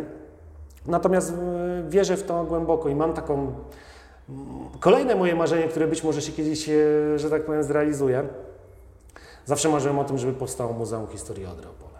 Nie będę ukrywał, wiem, że na dzień dzisiejszy jest to marzenie ściętej głowy, ale oczami wyobraźni e, widzę na nowym stadionie, który kiedyś mam nadzieję powstanie e, i na którym Opolska Odra ponownie zagości e, w Ekstraklasie, bowiem od e, czerwca 1981 roku praktycznie rzecz biorąc nie mieliśmy okazji poznać smaku Ekstraklasy z udziałem e, naszego zespołu. To jest przykre. To jest przykre, że w sumie po 22 sezonach spędzonych w Ekstraklasie my nie jesteśmy w stanie e, po tylu latach praktycznie po 38 latach nie jesteśmy w stanie wrócić do tej ekstraklasy. No to, to trzeba, trzeba coś z tym koniecznie zmienić, ale to tak na marginesie. Marzy mi się no, na nowym stadionie, terenie nowego stadionu, e, Muzeum Historii Odry, w którym e, kibice będą mogli spędzić e, czas, poznać postacie związane z klubem, postać, poznać genezę powstania klubu, obejrzeć multimedialne projekcje, bowiem takich też nie brakuje. Powiem, powiem szczerze, że tylko i wyłącznie chyba chęci, no i troszkę oczywiście pieniążki również e, hamują w tym, ażeby wydobyć e, z archiwów cyfrowych e, telewizji polskiej mm, oryginalne nagrania, chociażby z lat 70. Mm, Miałem okazję widzieć takie nagrania, które notabene pojawiły się chociażby w jedynym filmie fabularnym, który na pewno pamiętacie, pamiętasz ty Albercie, który został opublikowany i przygotowany na 65-lecie e, Odry, Pamiętam. wówczas jeszcze Oderyki, e, kiedy premiera filmu odbyła się w Filharmonii Opolskiej. E, Pamiętam ten czas. Ja również miałem przyjemność tworzyć scenariusz do tego filmu e, wspólnie ze studiem e, Ko- Koral. E, przepiękny czas, e, współpraca kapitalna, e, coś pięknego. Tyle materiałów, ile wówczas do filmu się przewinęło przez moje ręce, to chyba nigdy w życiu tego nie, nie widziałem na oczy. Zarówno materiały prasowe, zarówno zdjęcia, rozmowy, a przede wszystkim te wspomniane materiały filmowe, gdzie, na których można zobaczyć między innymi pamiętny finał, e, zwycięski finał Pucharu, Pucharu Ligi przecież, prawda? Właśnie. E, stadion w Częstochowie 3 do 1 z Widzewem Łódź, e, dwie bramki Tyca, jedna samobójcza po stronie Widzewa, no i y, dzięki temu awans do Pucharu UEFA, jedyny oczywiście występ w europejskich pucharach na tym poziomie, ale to, to jest niesamowite, wówczas Odra występująca w, w białych koszulkach i czarnych, czarnych spodenkach, to też E, trudno, żeby to ko- jakoś korelowało z barwami klubu, no ale takie były czasy, że w latach 70. przypomnijmy, mogę przypomnieć, e, pewnie starsi kibice będą to bardziej pamiętać, a na niektórych czarno, e, właściwie kolorowych zdjęciach, nawet e, na łamach mojego serwisu można obejrzeć pomarańczową modrę, prawda? To też jest bardzo fajna ciekawostka, tak nawiązując do tych e, barw klubowych, 78-79 rok Odra występuje w pomarańczowych koszulkach. Tak, to prawda, to, to nie była reprezentacja Holandii, ale to była reprezentacja Odry Opole, tak? Z tymi koszulkami też jest związana fajna historia o której e, opowiadał dość często były kierownik klubu, zasłużony notabene Mariusz Łańcucki. E, wówczas właśnie zajmował się między innymi sprowadzaniem, przygotowaniem sprzętu dla, dla naszych piłkarzy. No i ten sprzęt w ogóle też e, marki, nie wiem czy mogę zacytować, ale powiedzmy Pewnie. Adidasa, to nie jest lokowanie produktu, zatem e, w Adidasie występowaliśmy w pomarańczowych koszulkach. Koszulki były sprowadzane z całej Warszawy i nawet z głównego źródła z Polskiego Związku Piłki Nożnej. E, takie miało dobre relacje Mariusz Łańcucki e, z górą, że no, nasi piłkarze występowali w jednych z najlepszych strojów wówczas w Polsce. Jakościowo oczywiście mówimy o tym. Z tymi barwami to jeszcze można byłoby dużo rozmawiać, bo one się tam w, w całej historii klubu przewijały dość e, różnie, aczkolwiek oczywiście te niebiesko-czerwone one trwają do dnia dzisiejszego. Natomiast mówię, były czasami takie efemerydy e, w historii klubu, e, o których kibice nie zawsze, nie zawsze wiedzą i patrząc na takie zdjęcie właśnie chociażby za kadencji trenera Piechniczka, gdzie wszyscy piłkarze od Reopole e, pozują e, w pomarańczowych koszulkach, no, trudno byłoby powiedzieć, że to są niebiesko-czerwoni, prawda? Ale, ale faktycznie tak było. Ale tak było. Tak było, także, także tak to mniej więcej wygląda. Natomiast jeszcze tam może te dwa słowa a propos tego jubileuszu. No mówię, warto korzystać ze wzorców e, innych klubów, e, to nie jest wstyd. Warto stawiać na historię, bo historią można e, zachęcić szczególnie to młode pokolenie, ale również wydaje mi się, że i tych starszych kibiców, którzy którzy pamiętają sukcesy Odry, którzy z utęsknieniem wspominają, e, czasami ze łzami w oczach, jak to Engelbert Jarek łamał poprzeczkę z połowy boiska chociażby, e, zachęcić do powrotu na, na Oleską, tak? No, patrząc na frekwencję, Niestety, wiem, że jest to związane z wynikami, aczkolwiek wyniki budują frekwencję w jakiś tam sposób, jednak to nie jest wytłumaczenie, tak? To nie jest też wytłumaczenie. Ja tego nie kupuję. E, Myślę, że jest wiele metod i środków ku temu, aby zachęcić ludzi do przychodzenia na stadion. Jeżeli chodzi o mnie i o moją działkę, kwestie historyczne, wydaje mi się, że popularyza- popularyzacja e, tradycji, e, sukcesów, historii klubu może mieć różne oblicza. To nie musi być tylko i wyłącznie książka. Tak jak rozmawialiśmy przed wejściem tutaj na antenę, statystycznie Polak e, czyta jedną książkę rocznie. Nie jest to dużo, także mm, trudno mi, Trudno powiedzieć, aby, że- ażeby akurat książka była takim e, magnesem do przyciągnięcia tych, tego młodego pokolenia, aczkolwiek wierzę, że to się zmieni. Natomiast popularyzacja historyczna no, ma wiele oblicz, tak jak wspomniałem. Można zorganizować wystawę na, e, na rynku głównym w Opolu, można zorganizować e, projekcję filmu, można zorganizować to, co Wy robicie w tym momencie. Rozmowę z byłym piłkarzem, działaczem. Powiem szczerze, Polecam serdecznie y, spotkać się z byłymi trenerami, y, piłkarzami, którzy mają w głowach no, multum pięknych ciekawostek, y, multum pięknych historii, y, o, o, o których y, nie przeczytacie w gazetach, o których nie przeczytacie niejednokrotnie również na mojej stronie, ponieważ ja o wszystkim, tak jak wspomniałem, nie jestem w stanie napisać. Oczywiście. E, Ja uwielbiam słuchać tych historii. Tak jak rozmawiałem z Jurkiem Ciołą, e, te, no, te historie, te relacje kibicowskie, jak się jeździło kiedyś na mecze, co się, co się działo. No, niektóre rzeczy pozostały między nami, aczkolwiek to jest coś, czego, e, czego nie jesteśmy w stanie e, zdobyć e, od tak w internecie. Po prostu to są świadkowie historii. Wydaje mi się, że tak jak mamy coraz mniej powstańców warszawskich, niestety, nikt nam nie przekaże tej historii w ten sam sposób z książki, jak bezpośrednio od naocznego świadka. Zatem mówię, pomysłów jest wiele. E, Wystarczy moim zdaniem troszeczkę chęci, zaangażowania, być może również jakichś nakładów finansowych, ale jest to do zrobienia. To jest tylko kwestia i wyłącznie podejmowania decyzji gdzieś tam wewnątrz klubu. E, Jestem daleko od tego, natomiast e, zawsze, zawsze staram się zrobić wszystko, żeby ta historia, historia klubu, który zasłużył na to, moim zdaniem zasłużył na to, żeby o tym mówić, e, jest ważna. I ja zawsze jestem chętny i gotowy do pomocy, nigdy klubowi nie odmówiłem, zawsze byłem z klubem na dobre i na złe. Tak sobie właśnie przychodząc do Was do programu pomyślałem, że E, Może w ogóle nie powinien być angażowany do tych e, jubileuszów, ponieważ jak sobie tak przemyślałem, to tak, 65-lecie klubu, no okres Oderki Opole, przygotowywałem scenariusz do filmu. Słabo. 70-lecie klubu, Odra nie awansowała, tak? Polonia Bytom nas e, wyprzedziła. Tak sobie myślę, że ja się zaangażuję w 75-lecie, patrząc na wyniki w tym momencie, to nie wiem, czy, czy to jest dobry pomysł. Także w razie czego zastanówcie się, e, czy mam się angażować, bo nie wiem, jak to się skończy. Oczywiście żartuję. Życzymy przełamania.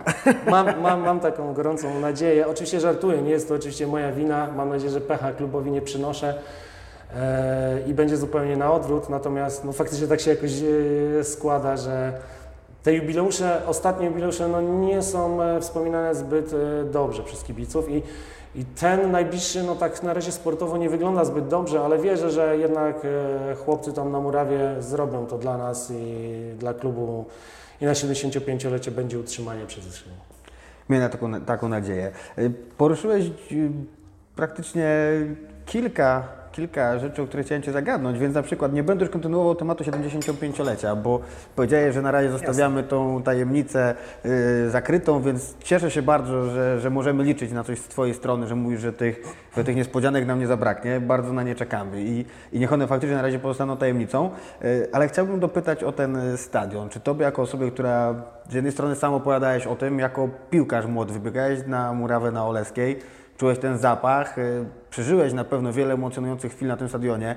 Y, Nie będzie Ci żal naszego reliktu na Oleskiej? Nie, To to nie jest tak, że wolałbyś, żeby ten stadion powstał w tym miejscu? Powiem Ci, Albercie, że mam z tym dylemat i to dość mocny. Jestem taki rozdarty pomiędzy Oleską a Nowym Stadionem. E, jako osoba, która e, wychowała się na tym stadionie w pewnym sensie od małego chłopca, e, jako osoba, która bada historię Odry związaną właśnie z Oleską, e, początkowo byłem sceptycznie nastawiony do tego pomysłu. Gdy pojawił się w, w, obszarze medialnym, publicznym e, pojawia się informacja o tym, że stadion zostanie wybudowany, nowoczesny, została podana data, pojawił się projekt archi- architektoniczny.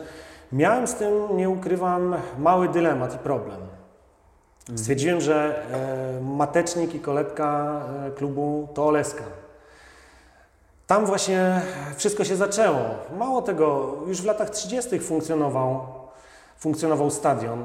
Trudno nazwać to może stadionem, ale boisko faktycznie przy Oleskiej 51 istniało. E, od 1945 roku korzystała już z niego Odra po zakończeniu działań wojennych.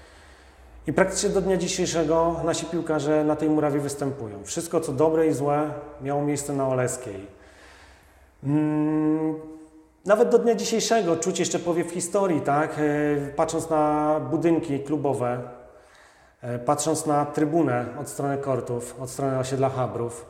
Przecież to jest historia, to, to, są, to są oryginalne cegły, to, to są oryginalne zabudowania sprzed wielu lat, przez które przewinęły się gwiazdy, ikony, bohaterowie nie tylko polskiej piłki, ale i polskiej piłki. W Opolu grywał Kazimierz Dejna, Włodzimierz Lubański, Jan Tomaszewski na bramce.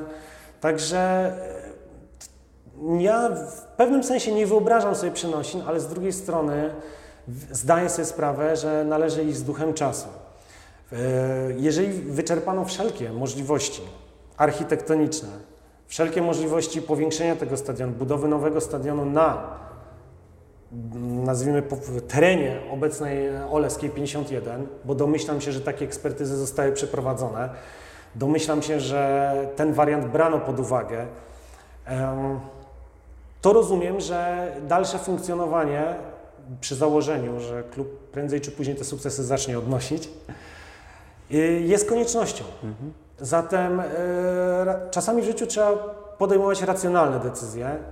Oczywiście kierować się sercem, ale no niestety myśleć też o tym, że mamy też ten rozum i czasami, czasami rozum musi przekonać serce do tego, żeby nastąpiła zmiana, chociaż nie do końca utożsamiamy się z nią. Mnie to osobiście na pewno będzie bolało, szczególnie tych starszych kibiców i byłych piłkarzy, którzy no, świętowali tam sukcesy. Ale z drugiej strony funkcjonalny obiekt wybudowany e, w drugiej części miasta daje sporo różnych, różnych możliwości. Tak? E, Jeżeli będzie przestrzeń biurowa, jeżeli będzie przestrzeń do funkcjonowania nowych działów e, klubowych, działu marketingu, nie wiem, działu scoutingu, działu dla trenerów akademii, plus stworzenie Muzeum Historii Odry Opola, o której wspominałem, Jestem za. Ja sobie zdaję sprawę, że budynek e, klubowy e, i tak wiele się pozmieniało pozytywnego. Wiadomo, że tutaj. Mosir dużo też zrobił dla działań. Przepiękna szatnia, też z Waszym e, udziałem, o ile, o ile się nie mylę. E, Wykonana, wykonane herby w szatni piłkarzy. To również jest progres, to również są dobre zmiany na plus, natomiast no, wydaje mi się, że rozwój klubu potrzebuje nowego stadionu. Gdyby ode mnie to zależało i gdybym znał osobiście y, opinie ekspertów, którzy by mi powiedzieli, że faktycznie, panie Sebastianie, no można tam wybudować nowy stadion, infrastruktura i y, architektonicznie jest to możliwe, sp- będzie spełniał wymogi, damy radę, mm, będzie parking, y, będzie zabezpieczenie, pozostajemy przy Oleskiej. Natomiast rozumiem, że gdzieś decyzja była bardziej na nie w tym kontekście technicznym, zatem przyjmuję to do wiadomości i trzeba się z tym pogodzić. Natomiast nie wyobrażam sobie troszeczkę tego, żeby na miejscu Oleskiej powstał przykładowo aquapark.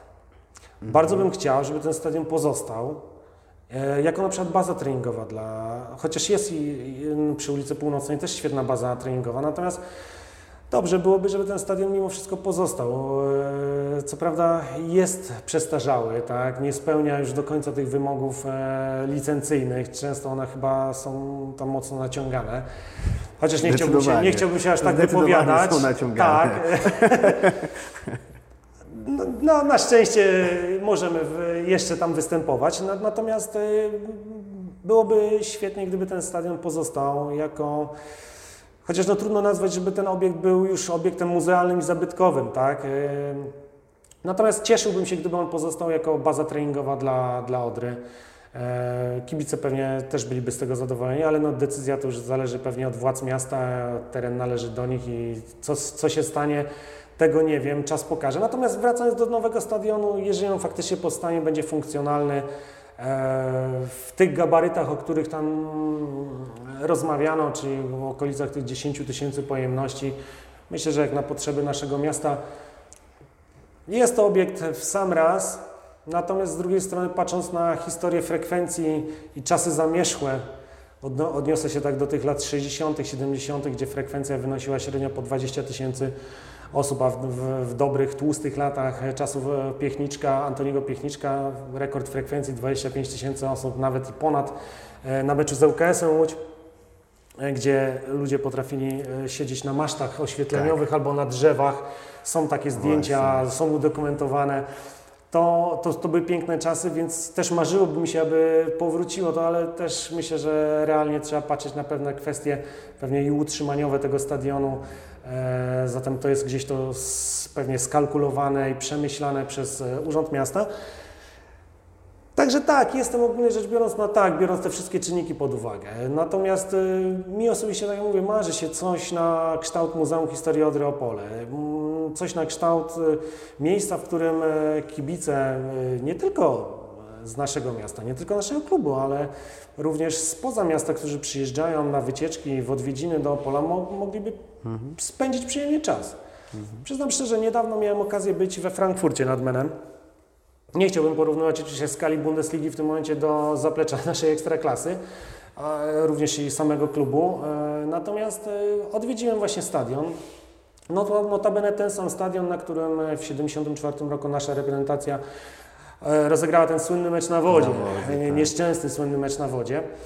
I miałem okazję zwiedzić Muzeum e, Historii Eintrachtu Frankfurt, w którym również pojawiły się elementy z 1974 roku, między innymi ta słynna ściągaczka wody. E, miałem okazję ją zobaczyć. Bardzo no kultowy proszę. eksponat, można Na powiedzieć. Pewno. I spędziłem w muzeum około godziny, nawet nieco przeszło godzinę czasu. E, tylko i wyłącznie język niemiecki mnie hamował przy tym, żeby nie spędzić tam więcej czasu. E, I to był jedyny problem, natomiast e, to było coś pięknego. To było mhm. naprawdę, przeszedłem historię klubu od A do Z, od e, prapoczątków po możliwość skorzystania z fotela trenera na konferencji prasowej. To było coś pięknego, czego nie zapomnę. Mało tego, przy okazji osoba, która mm, była pracownikiem muzeum, okazało się, że ma rodzinę w Czarnowąsach i wspominała właśnie między innymi o, o tym, że e, rodzina uczęszczała na mecze Odreopole, także ten świat jest bardzo mały wbrew pozorom. E, taka instytucja mi się marzy, takie miejsce mi się marzy, tak jak mamy Muzeum Historii Polskiej Piosenki w, w amfiteatrze. Widziałbym e, coś e, na wzór. E, myślę, że materiału by nie zabrakło. Myślę, że sporo osób mogłoby udostępniać swoje pamiątki. E, klub by miał miejsce, w którym mógłby eksponować e, precjoza, e, eksponaty różnego rodzaju, no i przede wszystkim trofea, tak? No, klub bez, bez trofeów to, to, to też nie do końca klub, szczególnie z 75-letnią tradycją, natomiast mnie jedno martwi, że tyle pucharów, tyle dyplomów, tyle przepięknych pamiątek, złotych księg klubu no gdzieś poginęło. Powiem szczerze, że nie wiem, co się stało. E, różne są teorie na ten temat, aczkolwiek e, garstka chyba tylko, nie wiem, być może po Titaniku jest więcej materiałów e, wydobytych niż pozostałości po naszym klubie, jeśli chodzi o, no o trofea, ponieważ przyznam szczerze, nie wiem, nie wiem, gdzie jest na przykład trofeum z 77 roku. Piękny, szklany,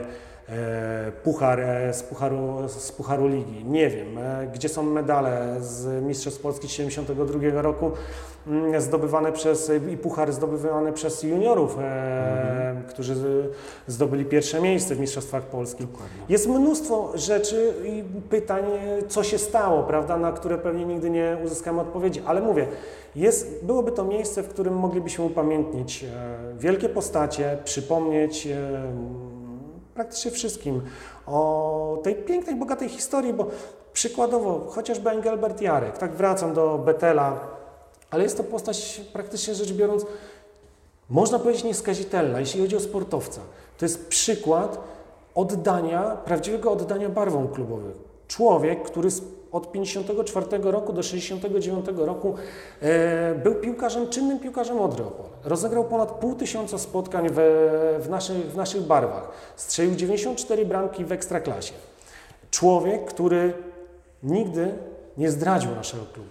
Był oddany barwom do samego końca. Następnie jako trener oczywiście. Nawet gdy wyemigrował za granicę, nigdy nie zapominał o Odrze. Przysyłał, potrafił przysłać sprzęt e, e, do piłkarza, tak?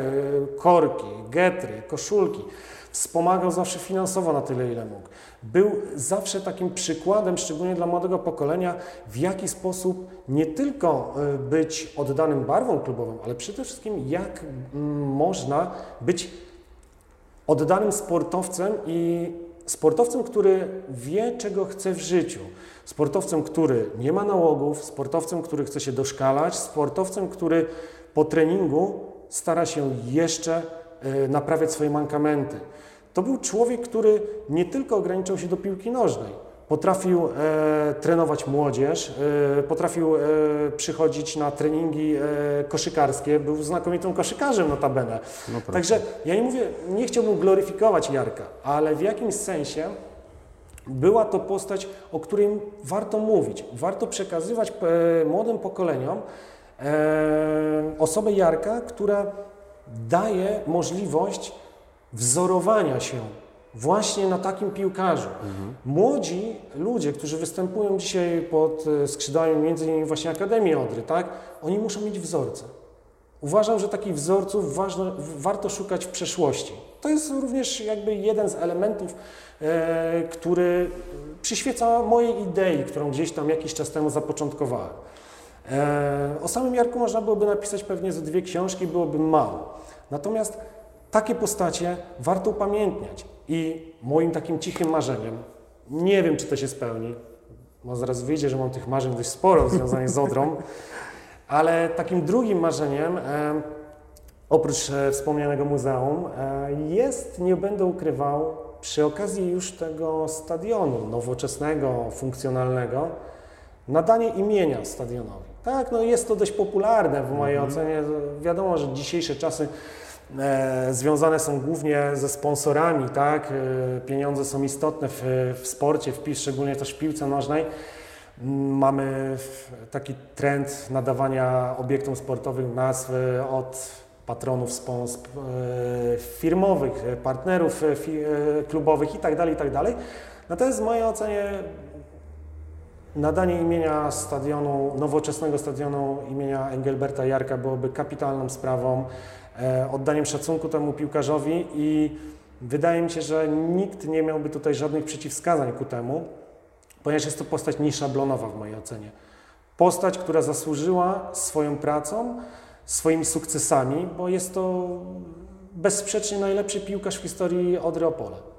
Żadne statystyki, e, żadne osiągnięcia E, in pozostałych piłkarzy. Mówimy tutaj o występach w Odrze Opole, bo oczywiście e, pamiętajmy o tym, że chociażby Józef Młynarczyk dla mnie Józefa Młynarczyka przykładowo Odra Opole była trampoliną do dalszych sukcesów, mhm. prawda? Natomiast patrząc tak mm, z perspektywy osiągnięć klubowych, to jednak Engelbert Jarek nie ma sobie równych. To jest bohater klubu, o którym trzeba mówić, trzeba pisać i trzeba o nim wspominać.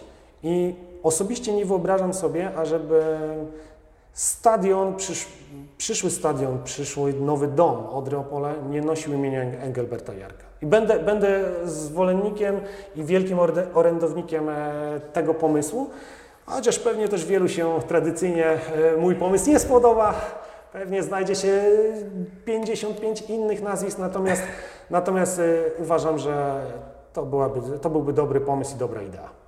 No dobrze, to kończąc tą, tą część rozmowy o tym, co, co dzisiaj dzieje się w Odrze i, i wokół Odry i o tym, jak, jak Ty pracujesz, żeby popularyzować tą Odrę i jej historię. Mówiłeś marzyć się muzeum, a posada dyrektora tego muzeum przyjąłbyś taką? Chciałbyś być osobą odpowiedzialną za jego funkcjonowanie? Bo pewnie, pewnie to dla osoby z Twoją wiedzą na temat historii to wykracza to poza marzenie. To jest pewnie też jakaś koncepcja tego muzeum, dobrze myślę? Albercie, trafiłeś samo sedno, a nie będę ukrywał, być może e, wyjdzie ze mnie e, pewna próżność, być może ktoś e, oceni mnie w tej sytuacji powierzchownie, natomiast nie ukrywam, że i to potwierdzą wszyscy, począwszy od moich rodziców, począwszy od moich przyjaciół, najbliższych znajomych. Zawsze to powtarzałem, że spełnieniem i ukoronowaniem mojego życia e, w Opolu byłoby podjęcie pracy w Muzeum Historii Odry Opole, którego byłbym dyrektorem, kustoszem, nazwijmy to już e, jak chcemy. Natomiast e, byłaby to moja jedna wielka pasja, pasja, którą można byłoby rozwijać, e, przygotować projekt od zera, e, co stanowi, stanowiłoby dla mnie też swego rodzaju wyzwanie, ponieważ to, to jest dość poważna sprawa. Natomiast biorąc pod uwagę przykłady chociażby klubów e, z ekstraklasy, e, również z wielkimi tradyc- tradycjami, patrząc na to, e, w jaki sposób zorganizowane są ich muzea właśnie na terenie e, stadionów, które miałem okazję kilkukrotnie pozwiedzać, między innymi z przewodnikiem chociażby, to jest przeżycie niesamowite. Przyznam szczerze, że no, dotknąć e, koszulki e, Wojtka Tyca e, z jedynego występu, chociaż w reprezentacji Polski w 1977 roku przeciwko Szwecji, o ile jeszcze taka koszulka istnieje, zakładam, że, zakładam, że wielu e, bohaterów naszego klubu wówczas po apelu, z, chociażby albo z możliwością współpracy, podzieliłoby się takimi swoimi, nazwijmy to, pamiątkami, gadżetami. E, Wszystko jest do zrobienia, wsz- wszystko jest tylko i wyłącznie w chęciach e, klubowych, czy też osób, które zajmują się projektem.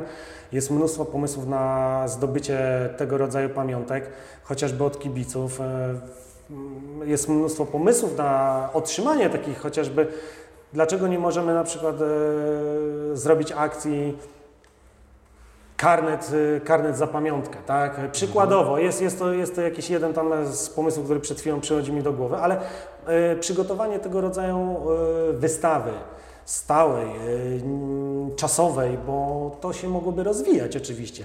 Muzeum Historii Odry Opole nie wykraczałoby tylko i wyłącznie w ramach, w ramy czterech ścian muzealnych na terenie stadionu, ale również miałoby za zadanie popularyzację wiedzy historycznej e, wśród mieszkańców Opola i Opolszczyzny.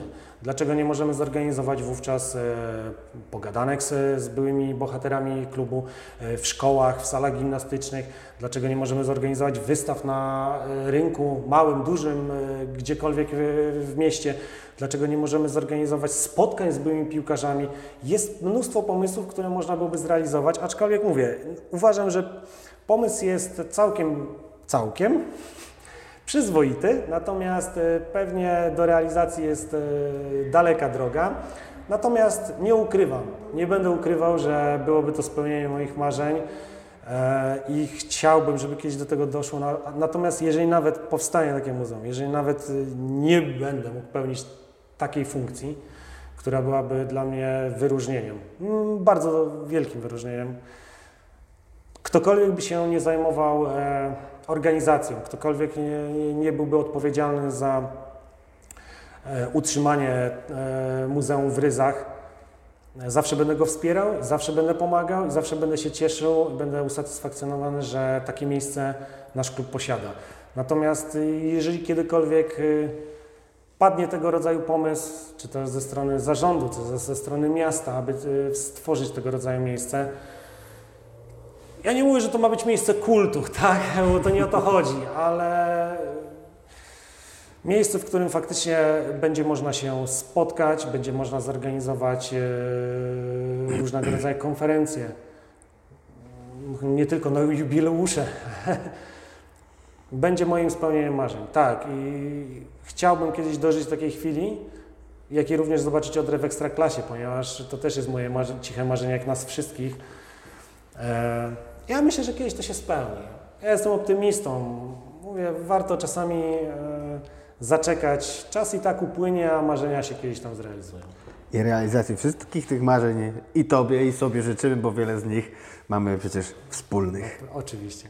Super, bardzo ciekawa rozmowa nam się wywiązała o tych aktualnych kwestiach dotyczących klubu, twojej, twoich zainteresowań, ale chciałbym, żebyśmy jednak znaleźli też czas na, na porozmawianie o historii Odry i pomyślałem sobie, że skoro w tej formie rozmawiamy po raz pierwszy, y, a za pasem już 75-lecie, o którym wspominaliśmy, to nie możemy zacząć inaczej niż, niż omawiając początki Odry. Więc chciałbym Cię zapytać o, o te pierwsze lata, powiedzmy od 45 roku, od pamiętnego 16 y, czerwca do końca roku 52, kiedy Odra wywalczyła awans do, do pierwszej ligi ówczesnej, czyli na najwyższy poziom rozgrywkowy przez te 7 lat. Jak, jak te losy Odry się toczyły? Wiem, że było kilka takich naprawdę ważnych wydarzeń i cała plejada ciekawych, interesujących osób związanych z Odrą, gdybyś mógł nam coś o tym opowiedzieć. Oczywiście. No, myślę, że tak w dużym skrócie jak najbardziej, ponieważ można byłoby opowiadać o tym najwcześniejszym okresie, tych e, początkach e, klubu dość długo. Może zacznę na wstępie, że być może niewielu sympatyków Odry wie, e, ale okres Odra Opole nie była pierwszym klubem sportowym w Opolu, założonym w, tuż w, albo właściwie jeszcze przed e, zakończeniem działań wojennych e, II wojny światowej, w Opolu już funkcjonowały dwa kluby. Pierwszy to Leopolia, późniejszy kolejarz notabene, mhm. e, a drugi to Lwowianka Opole. Natomiast Odra była klubem faktycznie już trzecim w kolejności. Tak jak wspomniałeś, jest założonym 16 czerwca 1945 roku. E, przez grupę sympatyków e, piłki nożnej, e, głównie na czele jakby mm, z mm, człowiekiem wywodzącym się z okolic nawet i Krakowa, a studiującym w Poznaniu. Chodzi mi tutaj głównie o mecenasa Leonarda Olejnika. To była osoba, która przewodniczyła jakby grupie sympatyków futbolu, którzy pojawili się w naszym mieście stosunkowo niedługo po, po zakończeniu działań wojennych i którzy podczas pewnej jakiejś tam e, wieczornej pogawędki wysnuli taki pomysł e, założenia e, profesjonalnego klubu, chociaż wówczas trudno było mówić o profesjonalizacji tego futbolu, ale założenia klubu sportowego. No i zastanawiano się podczas tej rozmowy, jaką nazwę ten klub ma przyjąć. I właśnie wspomniany Leonard Olejnik zaproponował nazwę Odra, zwyczajowo tak od przepływającej rzeki przez nasze miasto. Oczywiście było to też troszeczkę związane z faktem, iż sam Olejnik studiował mm, we wspomnianym Poznaniu na Akademii Adama, Adama Mickiewicza i wówczas e, dość często uczęszczał na mecze Warty Poznań. Więc e, tak na dobrą sprawę można troszeczkę tych korzeni opolskiej Odry szukać e, w Poznaniu, ponieważ została jakby ta nazwa też częściowo zaczerpnięta, tak jak wspomniałem, od tej rzeki, podobnie jak gdzieś tam, jeśli chodzi o Wartę.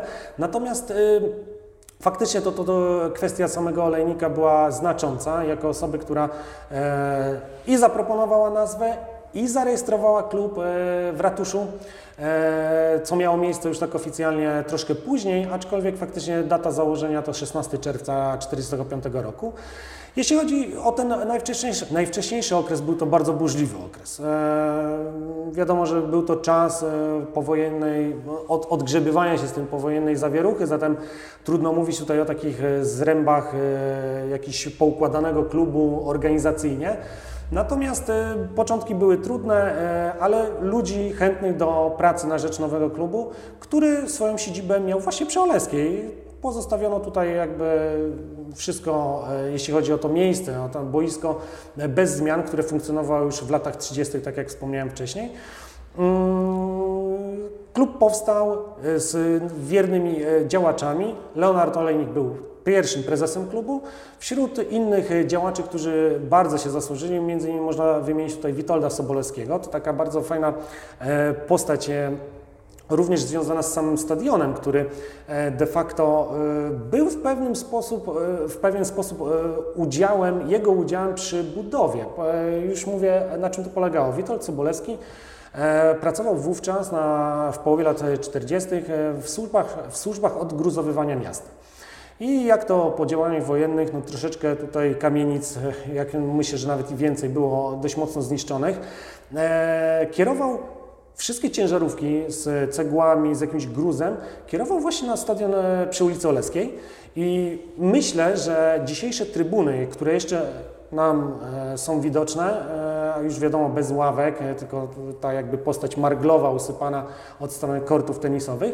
Myślę, że w środku, gdzieś w tych swoich fundamentach kryje część historii miasta. Ponieważ tam właśnie, tak jak wspomniałem, kierowane były cięż- ciężarówki z gruzami zburzonych budynków i na tej bazie już starano się budować te trybuny, które jeszcze w połowie lat 90., nawet pod koniec lat 90., no myślę, że no, nawet i później funkcjonowały, prawda?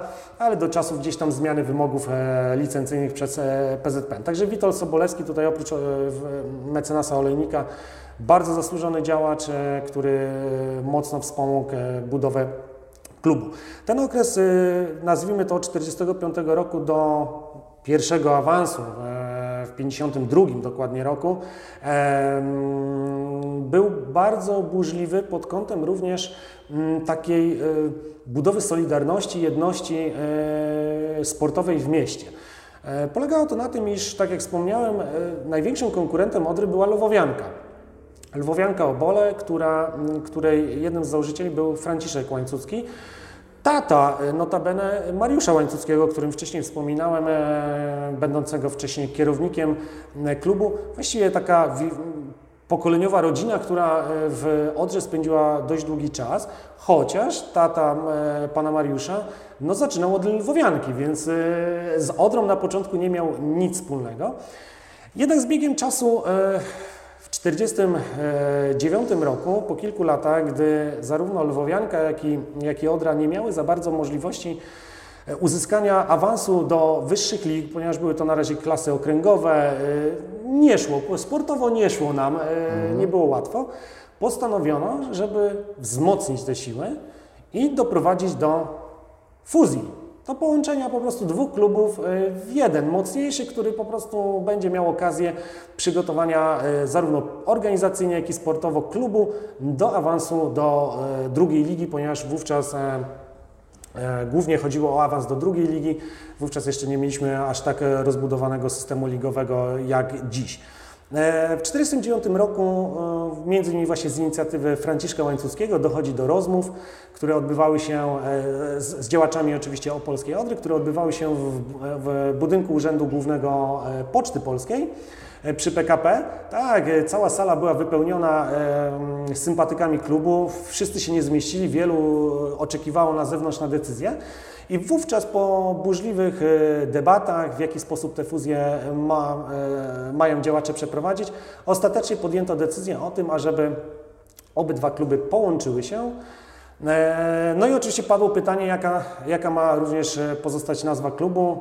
Fakt, że mm, rok wcześniej Opolska Odra zmieniła nazwę klubu na Budowlanie Opole, to też jest bardzo istotna kwestia, e, mm, bowiem nawet przy fuzji Odra nadal y, inaczej, Odra nie pozostała Odrą, tak? Po fuzji z Lwowianką e, nazwa pozostała jako Budowlani, która trwała praktycznie przez kolejnych 10 lat do 58 roku.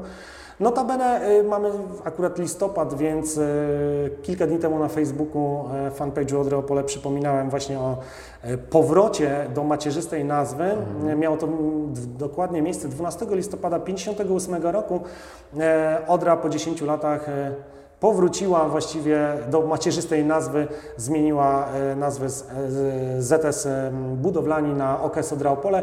I tu też była duża zasługa nowo wybranego prezesa, e, o którym też warto dwa słowa wspomnieć, Antoni, Antoniego Goliana. To był tak na dobrą sprawę e, prezes, którego głównym priorytetem i jedną z pierwszych w ogóle decyzji na, na zarządzie e, klubu było właśnie powrócenie, e, przywrócenie pierwotnej e, nazwy, za, o czym e, dość głośno mm, mówili kibice. Domagali się nawet na łamach e, prasy e, powrotu do nazwy macierzystej.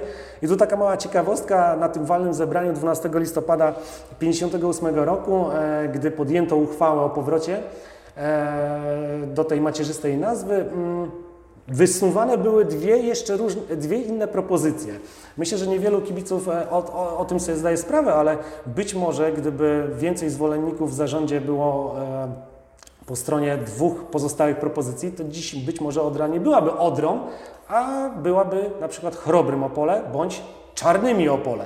E, myślę, że wszyscy się ucieszą z tego tytułu, że jednak ta nazwa została e, zachowana i do dnia dzisiejszego możemy się nią cieszyć, pomimo tych perturbacji, chociażby w latach 90. E, i 2000, gdzie, gdzie ta nazwa była częstokroć zmieniana, bądź dodawany człon sponsora, prawda, do nazwy klubu. Także były to lata burzliwe. Efekty po fuzji nie przyszły natychmiastowo, aczkolwiek na początku lat 50. zostaje zatrudniony w klubie e, trener Mieczysław Bienik.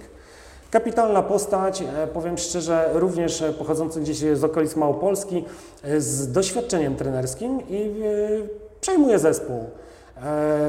Stosuje innowacyjne metody treningowe, jak na lata 50. Po raz pierwszy mm, zespół, pierwszy zespół Odry Opole pojawia się na zgrupowaniach sportowych poza Opolem. E, zawodnicy e, są pakowani w słynnego ogórka, e, wyjeżdżają na zgrupowanie tygodniowe do Karpacza, gdzieś, gdzieś w góry i trenują kondycję fizyczną, taktykę, technikę, co przynosi odpowiednie efekty, bowiem w 1952 roku Opolanie awansują do baraży o zaplecze ekstraklasy. Wówczas przeciwnikiem jest Garbarnia, Garbarnia Kraków. Udaje się zwyciężyć 3 do 2 e, na e, boisku w Opolu i e, remisem, zwycięskim remisem 1 do 1 na wyjeździe w Krakowie po raz pierwszy Odra Opole tudzież ewentualnie budowlani, jeżeli ktoś woli taką nomenklaturę, bo faktycznie wówczas Odra występowała pod tą nazwą. Mm, awansują po raz pierwszy w historii na zaplecze ekstraklasy. Pamiętam, prasa pisała taką bardzo fajną, opisywała bardzo fajną historię. E, za kibicami e, do Krakowa pojechał specjalny pociąg w ogóle przygotowany dla kibiców Odry. E, to chyba były pierwsze wyjazdy takie zorganizowane kibiców na wyjazd, nazwijmy to. Pociąg popularny, tak się nazywał, do Krakowa. Kilka wagonów zapełnionych na stadionie w Krakowie Gerbarni więcej kibiców z Opola niż z, Krakowa miejscowych. E, powrót był niezwykle huczny. E, po wyjściu z, mm, z pociągu w Opolu na dworcu PKP przy, mm, przy, przy poczcie e, oczekiwała na piłkarze orkiestra, były śpiewy churalne, następnie wszyscy przeszli mm, w stronę rynku e, piechotą e, z transparentami. E, piłkarze ulokowali się w obecnej, znaczy może nie już obecnej, ale w byłej restauracji Europa, tak? Myślę, że wszyscy kojarzą dzisiaj to chyba manekin, tak? Mhm. Współczesny. Nie wszyscy się oczywiście potrafili zmieścić, aby ten sukces móc świętować, więc spora część kibiców została na zewnątrz Zabawa i świętowanie trwało do białego rana i tylko taką ciekawostkę dodam, że był to moment, w którym na następnego dnia odbywały się wybory. Tak? E, oczywiście zdajemy sobie sprawę, jakie to wówczas były e, wybory. Co prawda była wówczas już wprowadzona nowa ordynacja wyborcza, e, aczkolwiek e, kibice Odry byli pierwsi przy urnach, to mogę powiedzieć, ponieważ lokale wyborcze były otwierane z samego rana. Zatem e, kibice świętujący do białego rana e, stawili się e, przy urnach wyborczych jako pierwsi. Natomiast mm, tak, to był właśnie ten pierwszy wielki sukces Odry. Niestety mm, debiut nie wypadł okazale. W debiucie ulegliśmy właśnie na własnym stadionie Gwardii Warszawa. Notabene też to był Beniaminek, także szkoda, że w tym starciu przynajmniej nie został zachowany ten remis, jakiś status quo. E, przegraliśmy 2 do 1. E, ten sezon nie był udany. Ogólnie spadliśmy z ligi, e, zajęliśmy ostatnie miejsce. aczkolwiek w miarę szybko klub się pozbierał. Tak jak mówię, ten pierwszy okres nie był jakiś łatwy dla klubu, zarówno organizacyjnie, jak i sportowo, ale zręby organizacyjne zaczęły się tworzyć coraz mocniej. E, współpraca z klubami tutaj z Opolszczyzny była dość, dość mocna, między innymi e, z Chrobrym Groszowice, z którego e, chociażby mm, przyszedł e, bardzo zna, znakomity napastnik Franciszek Klik, chociażby który wzmocnił siłę napadu. E, w, w połowie lat 50., tak jak wspomniałem o Engelbercie Jarku, e, piłkarze spoza Opola, e, z Nysy między innymi, tak jak Jarek z Polonii Nysa został zakontraktowany w Opolu. To był chyba jeden z najlepszych w ogóle transferów w historii klubu, muszę przyznać. bo Jarek stał się bardzo szybko jako młody piłkarz 17-18-letni e, główno, no, zaczął odgrywać główną rolę pierwszoplanową można powiedzieć. E, no i praktycznie rzecz biorąc ten okres lat 50. tutaj jeżeli mo mogę dodać o jakichś sukcesach, no był e, 55 rok, faktycznie tam Odra e, doszła do półfinału Pucharu Polski. E, całkiem przyzwoicie sobie radziła. E, to był jeden też z kolejnych wielkich sukcesów. Natomiast e, w 1957 roku taka dość intrygująca i zaskakująca e, historia. Była to pewna swego rodzaju nagroda za czystą grę, tak zwaną fair play.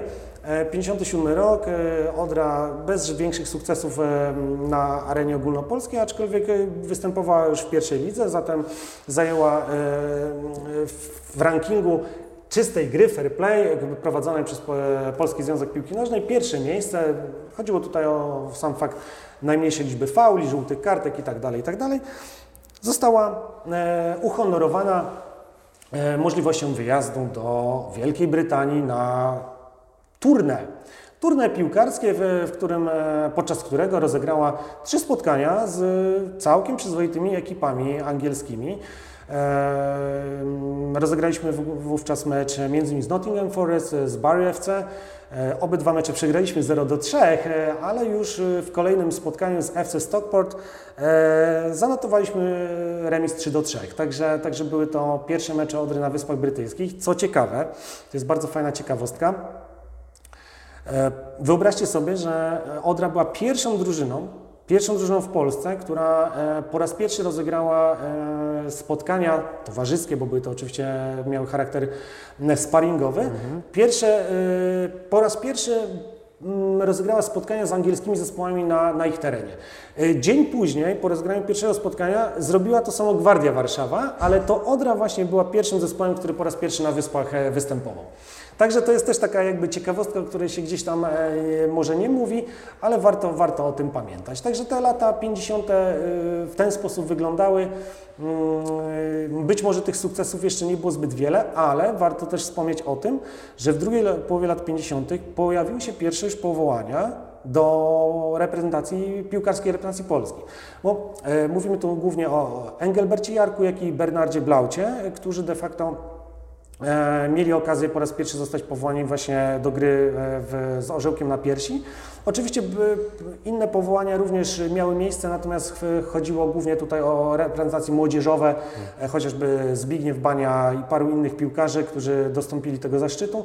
Natomiast na pewno klub się rozwijał również pod kątem, bo mówimy cały czas y, o sekcji piłkarskiej. Trzeba też wspomnieć, że pojawiały się kolejne sekcje. Tak? Już y, na mm, pierwszej imprezie zorganizowanej przez klub w lipcu 1945 roku, dotyczyło, dotyczyła ona głównie e, biegu, właściwie biegu ulicznego, można tak to określić w, w którym zwyciężył Stefan Pruszkowski, e, jeden z bardziej znakomitych biegaczy Odry Opole, z sukcesami na arenie międzynarodowej również.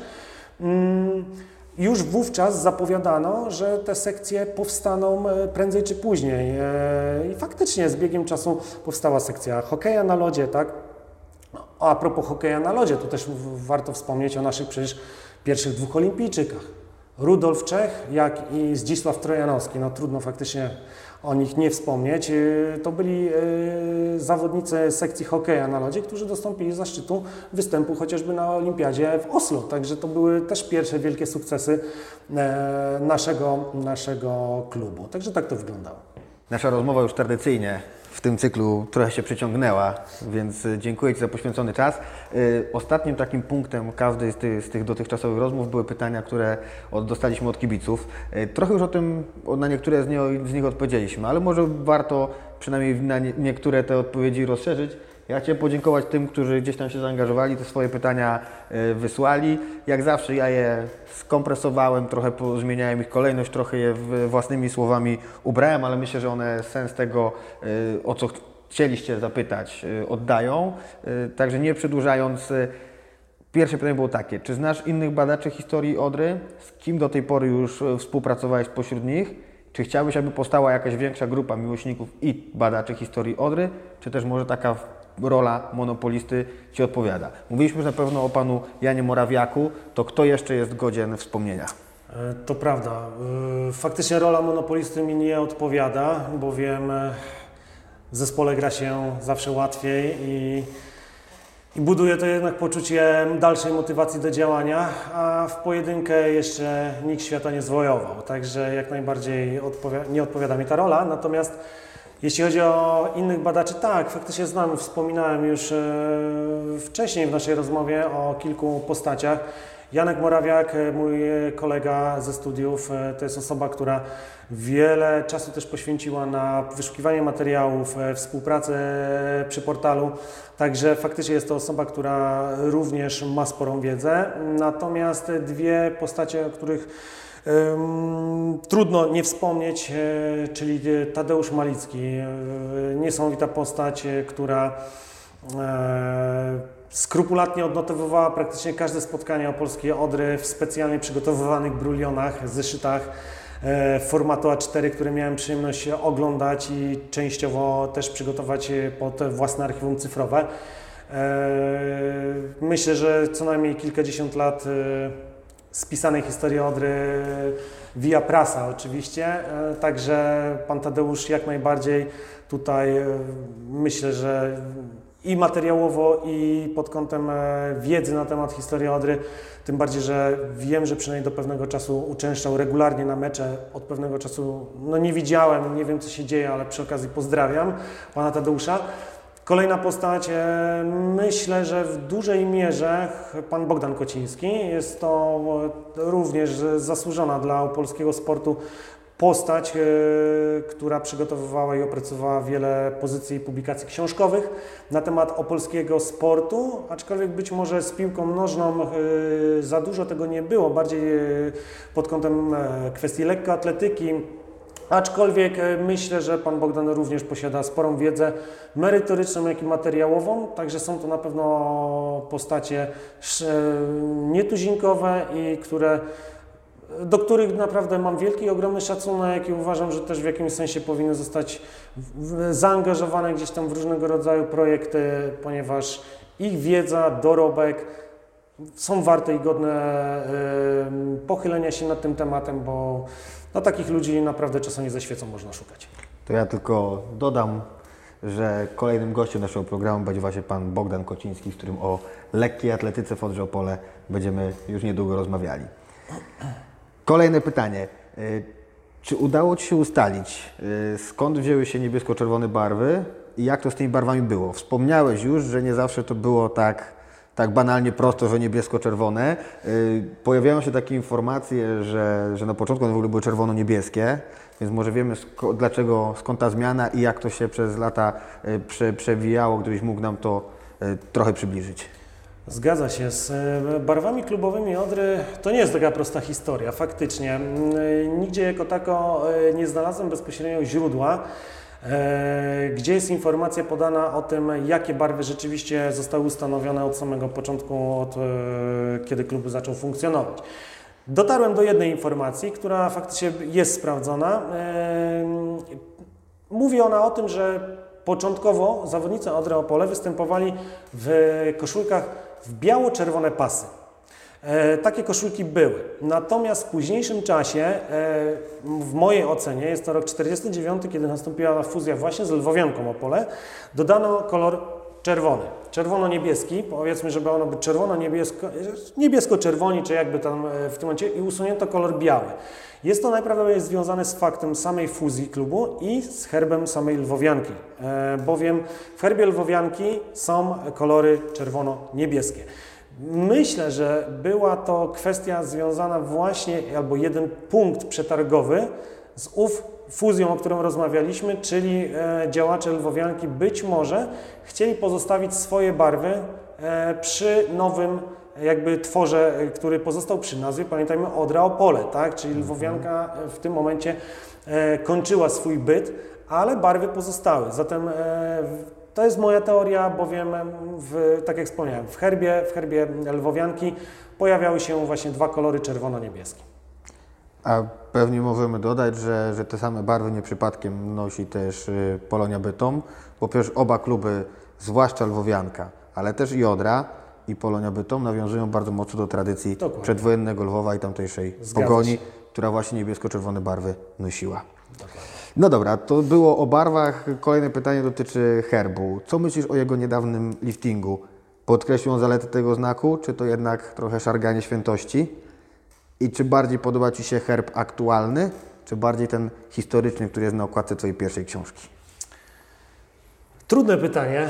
Trudne pytanie. Z herbem jest podobnie jak z nazwą, aczkolwiek faktycznie ten pierwotny herb, który pojawia się między innymi na okładce mojej książki, mam do niego ogromny sentyment i uważam, że tym herbem powinniśmy się posługiwać. To jest moja ocena.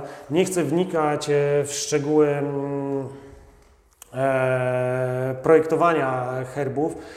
Natomiast em, ogólnie rzecz biorąc, mm, w mojej ocenie herb e, pierwotny, który pojawił się tak na dobrą sprawę po raz pierwszy w okolicach, e, którego postać widzimy na książce między innymi, pojawia się w okolicach roku 1959-60 w, różnego, roz- w, w publikacji na mm, 15-lecie klubu.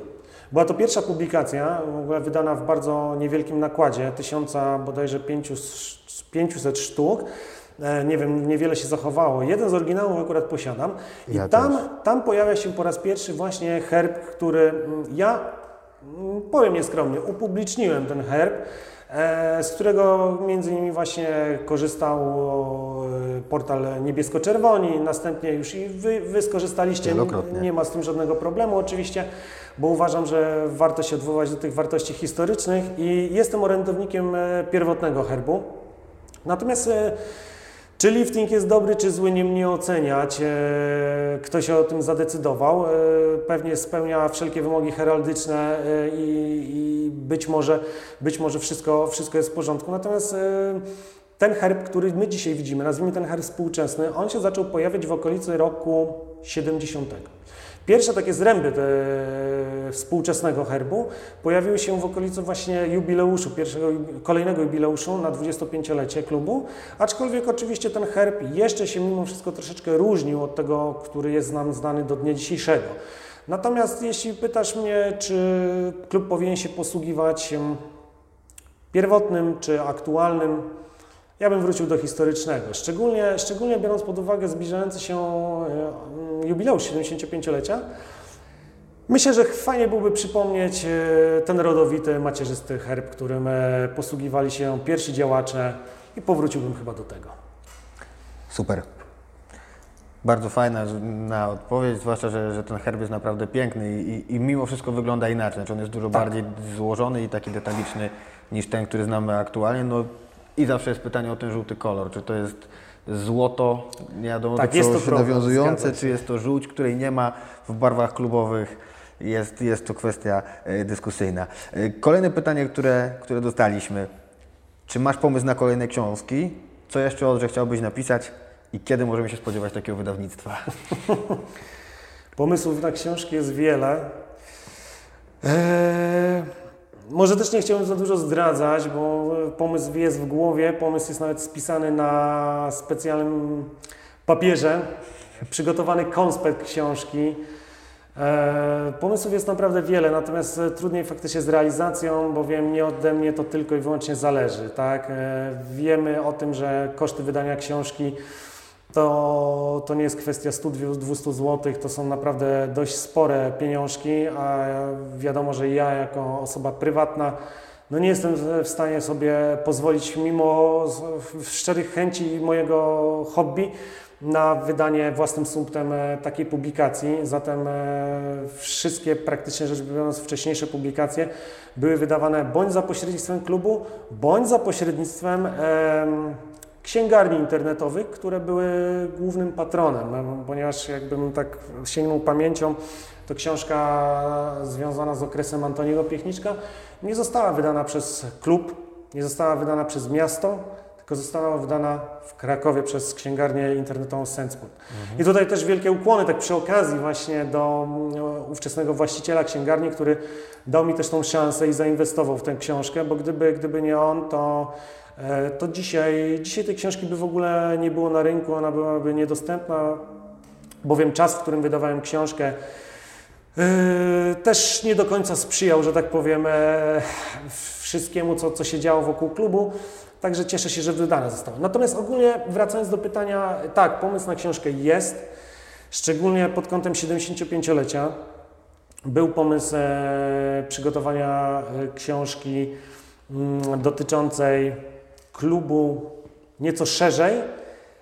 Myślę, że nawet pod kątem monograficznym, aczkolwiek e, jest to raczej niewykonalne na dzień dzisiejszy dla mnie jako jedynej osoby. Zawsze pod, podkreślałem to, że jest moim też marzeniem, kolejne marzenie, e, przygotowanie prawdziwej monografii Odry, na którą Odra zasługuje. Uważam, że klub z tak bogatą tradycją powinien posiadać swoją e, monografię. Nie twierdzę, że musi być to e, monografia w stylu encyklopedii Fuji Andrzeja Gowarzewskiego, aczkolwiek yy, współpraca zespołu ludzi, między innymi Bogdana Kocińskiego, Tadeusza Malickiego, mojej skromnej osoby, być może paru innych osób, mogłaby zaowocować e, tego rodzaju e, publikacją, która byłaby pełnym, pewnym kompendium wiedzy na temat klubu. E, kompendium wiedzy uściślonych dat, wydarzeń, ponieważ nie ukrywam, że gdzieś też mogę popełniać błędy i te błędy się zdarzają, tym bardziej, że prasa sprzed wielu lat była niedokładna, była czasami nawet niechlujna, jeśli chodzi o dane statystyczne. Zatem e, pewne rzeczy są częstokroć nie do zweryfikowania i trzeba poświęcić mnóstwo czasu. Zatem tu jest jakieś pole manewru na pewno do współpracy e, z osobami, które miałyby ochotę przygotowania tejże monografii. Jednakże ta monografia na pewno się nie ukaże w najbliższym czasie, to, to mogę zapewnić. Natomiast pomysł jest, e, pewien konspekt tego pomysłu w sprawie publikacji leży na biurku u odpowiednich osób de decyzyjnych. Czy, czy ten pomysł zostanie zrealizowany? Nie wiem. To mogę zapewnić, że o tej niespodziance, o której mówiłem, to nie jest ta niespodzianka. Na dzień dzisiejszy nie ma, nie ma jeszcze tego, tego tematu. Pomysł yy, być może zostanie poddany jakiejś analizie, tudzież yy, ostatecznej decyzji, tego nie wiem. Natomiast czekam na, na odpowiedź, ponieważ czas leci nieubłaganie. Jest, jest to. Yy, projekt, który chciałbym zrealizować w ramach 75-lecia klubu. Wydaje mi się, że dobrze byłoby, aby Odra e, otrzymała taką, taki prezent, można powiedzieć, i kibice również, ale nie ode mnie to już zależy. Mm, czekam na decyzję, zobaczymy, co w, tym, e, w tej kwestii wyniknie. Natomiast pomysłów na książkę jest wiele, ponieważ e, tematów, które można poruszyć, związanych z naszą historią, jest mnóstwo. Od biografii wspomnianego Engelberta Jarka, poprzez Odrę w europejskich pucharach, kończąc na monografii, o której wspomniałem. Natomiast e, być może niektórzy w tym momencie uśmiechnęli się z przekąsem, e, gdy powiedziałem o tych europejskich pucharach, ale mówię dlaczego nie. Skoro Odra pięciokrotnie występowała w pucharze Intertoto, dziś zapomnianym, niegdyś zwanym pucharem Karla Rappana, E, który jeszcze stosunkowo niedawno funkcjonował i nasze drużyny e, e, w polskie występowały w tymże pucharze mm, jeszcze pod koniec lat 90. Kiedy opolska drużyna potrafi dotrzeć do półfinału puchar, tegoż pucharu, właśnie w sezonie 63-64, notabene, no odpadając niestety z Polonią Bytom, to było dla nas też przykre doświadczenie. Skoro Opolska Odra potrafiła wystąpić w Pucharze UEFA, co prawda był to jedyny występ e, w historii Odry na tak wysokim szczeblu rozgrywek, bowiem w hierarchii europejskich pucharów Puchar Inter to, to oczywiście był trzeci w, w kolejności, właściwie czwarty w kolejności, biorąc pod uwagę Puchar e, Mistrzów, Puchar UEFA, Puchar Zdobywców Pucharów ówczesny, Puchar Intertoto plasował się na ostatnim miejscu. Nie zmienia to faktu, że sukcesy były, były występy w europejskich pucharach, były piękne bramki, były emocje. E, wydaje mi się, że taka publikacja mogłaby śmiało powstać, ponieważ jest o czym pisać. E, I, no ale mówię, no to są tylko na, na dzień dzisiejszy pomysły, do których e, potrzeba niestety funduszy i pewnych decyzji niezależnych ode mnie. Natomiast myślę, że ten czas i chęci, i materiały, i być może również współpracy ze strony kolegów po fachu, nazwijmy to, na pewno by się znalazły i wszystko jest do przygotowania. Świetnie. Y, to trzymamy kciuki za to, żeby się, żeby się udało. Życzymy i Tobie, i sobie znowu, żeby, żeby te plany się udało zrealizować. bo na pewno y, takich przystępnych źródeł informacji właśnie na różne tematy, na przykład Odry występującej poza granicami Polski ciągle, y, ciągle brakuje. I ostatnie pytanie, które dostaliśmy, tak naprawdę znowu odpowiedź się gdzieś tam przewija przez całą tą naszą rozmowę, ale, ale pewnie zechcesz to uściślić. Czy interesuje Cię tylko historia o polskich piłkarzy, czy też szerzej mówiąc y, historia Odry i różnych jej sekcji? Którą z tych sekcji innych niż piłkarska uważasz za mającą najciekawszą czy najbardziej bogatą historię? I czy marzyłby Ci się powrót wielose- wielosekcyjnej Odry? Faktycznie mów, mówiąc o Odrze, myślę, my, myślimy piłka nożna, prawda? Y, Jest to takie pierwsze skojarzenie, być może wynika to z faktu, że no, od wielu lat klub jest jednosekcyjny, tak? Mm, Natomiast jeśli chodzi o pozostałe sekcje, y, miałbym tutaj może nie tyle sentyment, ale bym skłonił się ku sekcji y, podnoszenia ciężarów, faktycznie, ponieważ jest to trudna sekcja i trudny sport do uprawiania, ale w którym byliśmy y, w pewnym okresie potęgą. Można powiedzieć, że y, nie tylko piłkarze, ale również i właśnie y, ciężarowcy na pomostach, zarówno w kraju, jak i za granicą, sławili dobre imię na naszej Odry. Wystarczy wspomnieć choćby takie postacie jak Stefan Leletko, świętej pamięci już niestety, jak to mawiano, mały wielki Pele e, o, o Stefanie, czy też Tadeusz Rutkowski, to byli medaliści Mistrzostw Polski, medaliści Mistrzostw Europy, Mistrzostw Świata, e, uczestnicy Igrzysk Olimpijskich. Zatem e, faktycznie można byłoby tutaj więcej czasu poświęcić e, też sekcjom, które naprawdę przynosiły nam e, w cudzysłowie zyski sportowe na arenie międzynarodowej. Także Faktycznie podnoszenie ciężarów byłoby taką sekcją, nad którą można było troszeczkę więcej czasu poświęcić, a nie ukrywam, że skupiam się głównie faktycznie na sekcji piłkarskiej, która w jakimś sensie jest moim też konikiem, e, bowiem piłka nożna to mój ulubiony sport. E, Na ciężarowca nie wyglądam i nigdy bym raczej się nie podjął tego trudnego zadania noszenia ciężarów. E, Natomiast y, fakt faktem, że interesują mnie też oczywiście inne postacie, ale myślę, że o tych innych postaciach e, z pozostałych sekcji, między innymi chociażby z sekcji lekkoatletycznej, e, gdzie e, są chociażby Łyżwiarka Wojtaszko i paru innych, opowie na pewno w kolejnym odcinku pan Bogdan Kociński, który, który tutaj tymi sekcjami bardziej żyje w tym, w tym kontekście. Ale ja stawiam na piłkę nożną i w- jest to mój konik, kocham piłkę nożną, aczkolwiek nie, nie zaniedbuję, nie zapominam oczywiście o innych sekcjach. Na tyle, ile potrafię, starałem się również na moim e, portalu od, e, genezę poszczególnych sekcji. Nie jest to proste, ale z pewnością są informacje mm, w kategorii lat e, 40. i 50. na temat sekcji tenisa ziemnego, na temat sekcji boksu, e, podnoszenia ciężarów i hokeja na lodzie i są to dość obszerne informacje, więc e, chętnych odsyłam do, do strony internetowej. My też odsyłamy, a ja na, na zakończenie mam dwa pytania, które już tradycyjnie y, zadaję moim gościom. Y, pierwsze jest takie, gdzie widzisz Odrę, jak zamykasz oczy za rok i gdzie ją widzisz za 10 lat? Gdzie widzę Odrę za rok? Wydaje mi się, że w dalszym ciągu w drugiej lidze, to znaczy w pierwszej lidze, na zapleczu Ekstraklasy, prawda? Nomenklaturalnie na, w pierwszej lidze. E, natomiast e, i, i wierzę, że tak będzie. Natomiast e, jeśli chodzi o no, wizja dość daleka, odległa, ale za 10 lat widzę Odrę na swoim miejscu w Ekstraklasie. Myślę, że nie jest to odpowiedź odbiegająca od e, pewnie moich poprzedników. Natomiast widzę ją za 10 lat jako klub funkcjonujący w pełni profesjonalnie, z ładnym, pięknym, funkcjonalnym stadionem, e, z wypełnionymi trybunami e, przez kibiców, e, z młodzieżą trenującą, e, zapatrzoną w swoich idoli, w prężnie funkcjonującym klubie, klubie, który na to zasługuje i wierzę, że tak się właśnie stanie. Super. I kończąc już naprawdę, prosiłbym Cię, żebyś zostawił kibiców Odry z jakąś taką myślą, ze swoim przesłaniem, ze swoim apelem, z czymkolwiek, co, co właśnie chciałbyś, żeby jako ostatnia myśl tej rozmowy wybrzmiało.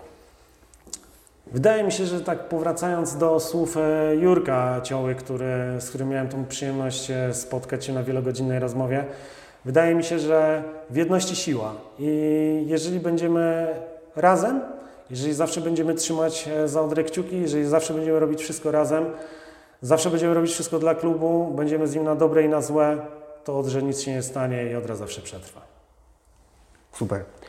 Bardzo dziękuję Ci za, to, za te słowa, za całe dzisiejsze spotkanie i naprawdę dużo poświęconego czasu. Mam nadzieję, tak jak już wspominałem, że widzimy się nie po raz ostatni i będziemy mogli jeszcze kontynuować te, te historyczne rozmowy. Wielkie dzięki. Dzięki Albert, ja również dziękuję Wam serdecznie za zaproszenie. To jest dla mnie również ogromna przyjemność, jak i wyróżnienie. I serdecznie pozdrawiam wszystkich, którzy wytrzymali do samego końca. Wielkie dzięki za wysłuchanie tej rozmowy. Cieszę się, że dotarliście aż do tego e, momentu. E, Mam nadzieję, że nie jesteście rozczarowani. Wydaje mi się, że tak jak wspomniałem na, na początku, ta rozmowa była bardzo ciekawa, mimo tego, że obszerna. E, Chciałbym prosić jak zawsze o odzew, o to, żebyście gdzieś tam swoimi reakcjami dali znać, co się podoba, co się nie podoba, co w tej formie naszych rozmów zmienić. Cały czas się chcemy uczyć. E, Liczymy też na komentarze, mimo wszystko do, do, kogo, do kogo jeszcze mamy dotrzeć, o czym byście chcieli posłuchać. To wszystko jest dla nas cenne. Na razie dwa odcinki nam się pojawiły, już jakieś pierwsze sugestie. Będziemy to na pewno brali pod uwagę. Wielkie dzięki.